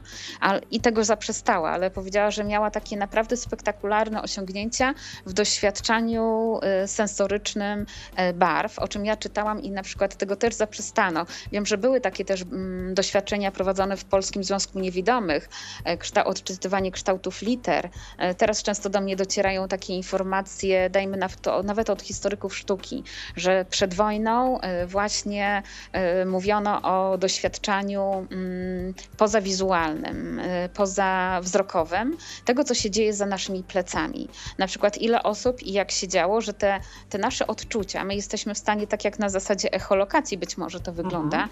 bo ja idąc lasem, a chodzę codziennie do lasu, ja czuję, że coś obok nie jest, tak? Tylko nie jestem na przykład pewna, czy to jest drzewo, czy człowiek. Wtedy muszę dotknąć laską i sprawdzić, tak? Bo pies akurat biega sobie luzem. Ale y, dla mnie echolokacja buduje przestrzeń. Myślę, że y, im bardziej człowiek jest wyczulony, im bardziej potrafi czytać różne rzeczy i, i wie, czego doświadcza, tym jest bogatszy, tak? Także myślę, że owszem, ktoś może po prostu sobie zignorować funkcjonowanie barwy i jak to funkcjonuje, po prostu przyswajać, że coś jest brązowe i tyle, a ktoś może być na tyle zainteresowany, żeby chcieć, tak, zrozumieć w ogóle, czym jest barwa. Oczywiście. Ja bardzo zachęcam e, tutaj do e, wszelkiego rodzaju prób. Oczywiście nie będziemy już tutaj wchodzić w takie detale jak e, tam zimne róże i ciepłe niebieskie kolory, ale generalnie myślę, że, że jednak barwy sporo mówią o świecie, mówią o przyrodzie. Przecież cały mówią kamuflaż zwierzęcy to barwy, tak. Mówią o nas samych. Przecież to też jest tak, że są pewne kody, tak, przystosowane do określonych zawodów, gdzie e, funkcjonuje generalnie e, jakaś określona kolorystyka, tak? Przypisana do konkretnej profesji. E, więc tutaj też jakby ten przekaz na przykładzie barw jest takim bardzo wyraźnym sygnałem. Cieszę się, że dodatkiem do właśnie tych opisów dzieł sztuki była, był ten schemat barw, który też ułatwia zrozumienie e, tych, e, tych dzieł e, właśnie w kontekście tym kolorystycznym. Chciałabym na koniec zapytać Cię o dwie kwestie. Pierwsza to taka, czy y, dzisiaj z perspektywy czasu mm, postrzegasz ten projekt i sztuka realizowany przez Was e, jako mm, taki mogący zainteresować tylko entuzjastów dzieł sztuki, czy też e, mm, powiedzmy przez e, swoją konstrukcję, przez to, że opowiada również coś o czasach, kiedy te dzieła powstawały, o ich twórcach może być też e, po prostu mm, taką e, opowieścią pozwalającą lepiej zrozumieć świat. Komuś, tak, i to kto niekoniecznie sztuką się interesuje. właśnie do laików, tak? Ktoś mhm. tylko, kto jest ciekawy, do ludzi ciekawskich, o tak, zainteresowanych światem, do tego, żeby poznać coś więcej, zobaczyć coś więcej. Ja na przykład może dlatego, że jestem tak spragniona obrazów, które gdzieś tam straciłam, nie mogę ich widzieć, to dlatego tak mnie fascynuje sama audiodeskrypcja, ale y, też właśnie liczę na to, bo jak czytały osoby, które są zupełnymi laikami, są niewidome i czytały ten opis i powiedziały, że to jest coś, czego, y, że na pewno będą zaglądać, ponieważ na przykład w szkole nigdy im tak ktoś przystępnie tego nie opisał takimi słowami, bo u nas żadne słowo nie zostanie niewytłumaczone. Y, to, co znajdziemy w his, na przykład w historii sztuki, czasami będziemy musieli szukać, o czym on w ogóle mówi, tak? Co to jest, jak to wygląda. Na przykład yy, z historii architektury, jak opisywaliśmy różnego rodzaju schematy, ja na przykład na, na początku musiałam się dowiedzieć, tak, y, co dane słowo oznacza, ale mało tego, jak to wygląda, bo co z tego, że my coś nazwiemy, jak my nie będziemy dawać wyglądu tego, tego słowa, tak? To słowo musi nieść za sobą swój wygląd i dlatego my najpierw dajemy wygląd, a później określamy dopiero danym mianem, tak, że to tak się nazywa. Dlatego myślę, że przede wszystkim do laików, że historycy sztuki, owszem, okej, okay, ktoś, kto jest zainteresowany sztuką, będzie może się cieszył, że może sobie coś odświeżyć, może się zapoznać z czymś kolejnym, ale przede wszystkim laik, który dopiero chciałby się z tym światem e, wizualnym zapoznać, tak? E, wzbogacić e, swój, swoje własne muzeum, swoje własną, swoją własną galerię życia o, o więcej obrazów, tak? które kiedyś doświadczył w jakikolwiek sposób. Tutaj akurat przez słowo mamy nadzieję, że też wkrótce przez dotyk. Ja osobiście bardzo się cieszę na te działy, które będą poświęcane obrazom, dlatego że mi, e, jako osobie, której gdzieś tam na przestrzeni czasu e, wzrok się pogarszał, ale jednak nigdy nie był na tyle dobry, żeby dostrzegać jakieś detale, to zwykle największą trudność sprawiało oglądanie E, właśnie tych szczegółów, tych drobiazgów na obrazach, bo jeśli chodzi o e, takie duże formy, jak jakieś e, powiedzmy, nie wiem, rzeźby, architekturę czy coś takiego, to mm, już kiedyś tam w przeszłości było to dla mnie gdzieś tam jeszcze mm, powiedzmy sobie do ogarnięcia, tak? Natomiast nigdy te małe formy właśnie gdzieś jakieś takie na przykład zamazujące się mm, kontury albo właśnie jakaś tam Mm, gra światła i cienia i tak dalej, to już było dla mnie mm, jakby, może dostrzegałam, że w jednym miejscu obraz jest ciemniejszy, w innym jaśniejszy, ale umykała mi gdzieś ta intencja, właśnie przez to, e, intencja twórcy, przez to, mhm. że nie byłam e, w stanie prawidłowo zinterpretować tych detali to takie właśnie ciekawe, że e, osoby nawet, które widzą, często nie dostrzegają pewnych detali, dlatego my tak często odwołujemy się do różnych źródeł, e, czytamy te źródła, żeby dowiedzieć się jak najwięcej o danym dziele, bo zawsze są nowe odkrycia, coś się zmienia, coś e, symbolizuje na przykład dany, dany element, ale z przykładów chociażby palec, którym niby anioł zwiastujący Marii to, że zostanie matką, że niby dotyka gałązki oliwnej palcem. Natomiast okazuje się, że wcale nie, bo ten palec może jest na, na tle gałązki oliwnej, ale wskazuje na e, gołębia e, Ducha Świętego, który jest wyżej. Tak? I także takie niektóre e, może zdaje się mało istotne dla zwykłego odbiorcy, który patrzy na obraz, a jednak detale, które sprawiają, że zupełnie gdzie indziej kieruje się też uwaga widza. No ale popatrz, co za luksus. Możemy po prostu jako osoby niewidome gdzieś więcej wiedzieć o e, konstrukcji. Tak, myślę, też że dużo więcej niektóre osoby tak. niewidome tak. mogą się dowiedzieć i zaskoczyć osoby widzące. Podobnie jak na przykład w, u Boscha na pośladkach jednej z postaci jest zamieszczony zapis muzyczny, a, a, też na YouTubie zostały zamieszczone propozycje, jak to można zagrać. Jeszcze do tego zostały stworzone słowa. Naprawdę prze, prześmieszne niektóre sytuacje i historie, ale myślę, że może też zaciekawią przez to osoby niewidome, że to nie tylko takie zwykłe dzieło malarskie, nudna, nudna jest ta sztuka, nic tam nie ma, że to tylko film jest fajny. Właśnie wprost przeciwnie, że, że wiele historii, które dzieło za sobą niesie i pociąga, że właśnie poprzez te analizy, jak to dzieło w ogóle do, do, powstało, przez, przez mecenasa jakiegoś sztuki, czy na przykład e, mm, w ogóle jak e, w historii Egiptu to dzieło funkcjonowało, które tam powstawało, że to może naprawdę kogoś zaciekawić tak historycznie, a nie tylko przez to, że to jest nudna sztuka, że tego, tego, tego nie będziemy się tym interesować. No tak, ale myślę, że tutaj jakby najwięcej zależy od samego odbiorcy, to w nim musi być e, ta ciekawość. Tak, ta iskierka. E, oferta sztuki jest e, e jednakowa od y, czasu y, powstania konkretnych dzieł, więc tutaj e, jakby chęć ich poznania i e, jakiegoś takiego układania sobie w głowie, jak to wszystko po kolei po sobie następowało, e, jednak jest po stronie odbiorcy, a wasz projekt jest takim pomostem, który pozwala się odbiorcy z tą sztuką zetknąć. Bardzo Mamy nadzieję. Tak. Bardzo Ci dziękuję, że zechciałaś tutaj po raz kolejny przyjąć nasze zaproszenie i w tak e, obrazowy, plastyczny, e, ciekawy sposób opowiedziałaś i o e, dziełach sztuki, i o tym, jak, jakim wyzwaniem było przygotowanie e, audiodeskrypcji, i też o tym, e, na ile użyteczne są te opisy w kontekście e, właśnie użytkownika e, z dysfunkcją wzroku, czyli osoby niedowidzącej lub niewidomej. E, bardzo dziękuję raz jeszcze. Ja także bardzo dziękuję. Dziękuję wszystkim, którzy zechcieli wysłuchać audycji i mam nadzieję, że może chociaż troszeczkę udało mi się zachęcić osoby, które zupełnie e, są przeciwne sztukom plastycznym, a może jednak tak mały krok ku temu, żeby coś poznać, nawet dowiedzieć się, że laskini, jaskini Lasko e, mogą być odzwierciedlone różne układy planet. Zachęcam naprawdę i zapraszam na stronę www.isztuka.edu.pl. Ja również e, przyłączam się do tego i e, również serdecznie zachęcam Państwa. Przypomnę, że Państwa i moim gościem była dziś Barbara Szymańska, E, dziękuję Ci, Basiu, raz jeszcze.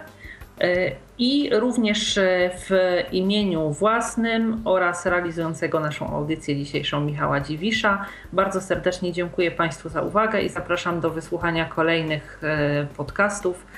Kłaniam się, do usłyszenia, Ala Witek. Do usłyszenia. Był to Tyflo Podcast. Pierwszy polski podcast dla niewidomych i słabowidzących. Program współfinansowany ze środków Państwowego Funduszu Rehabilitacji Osób Niepełnosprawnych.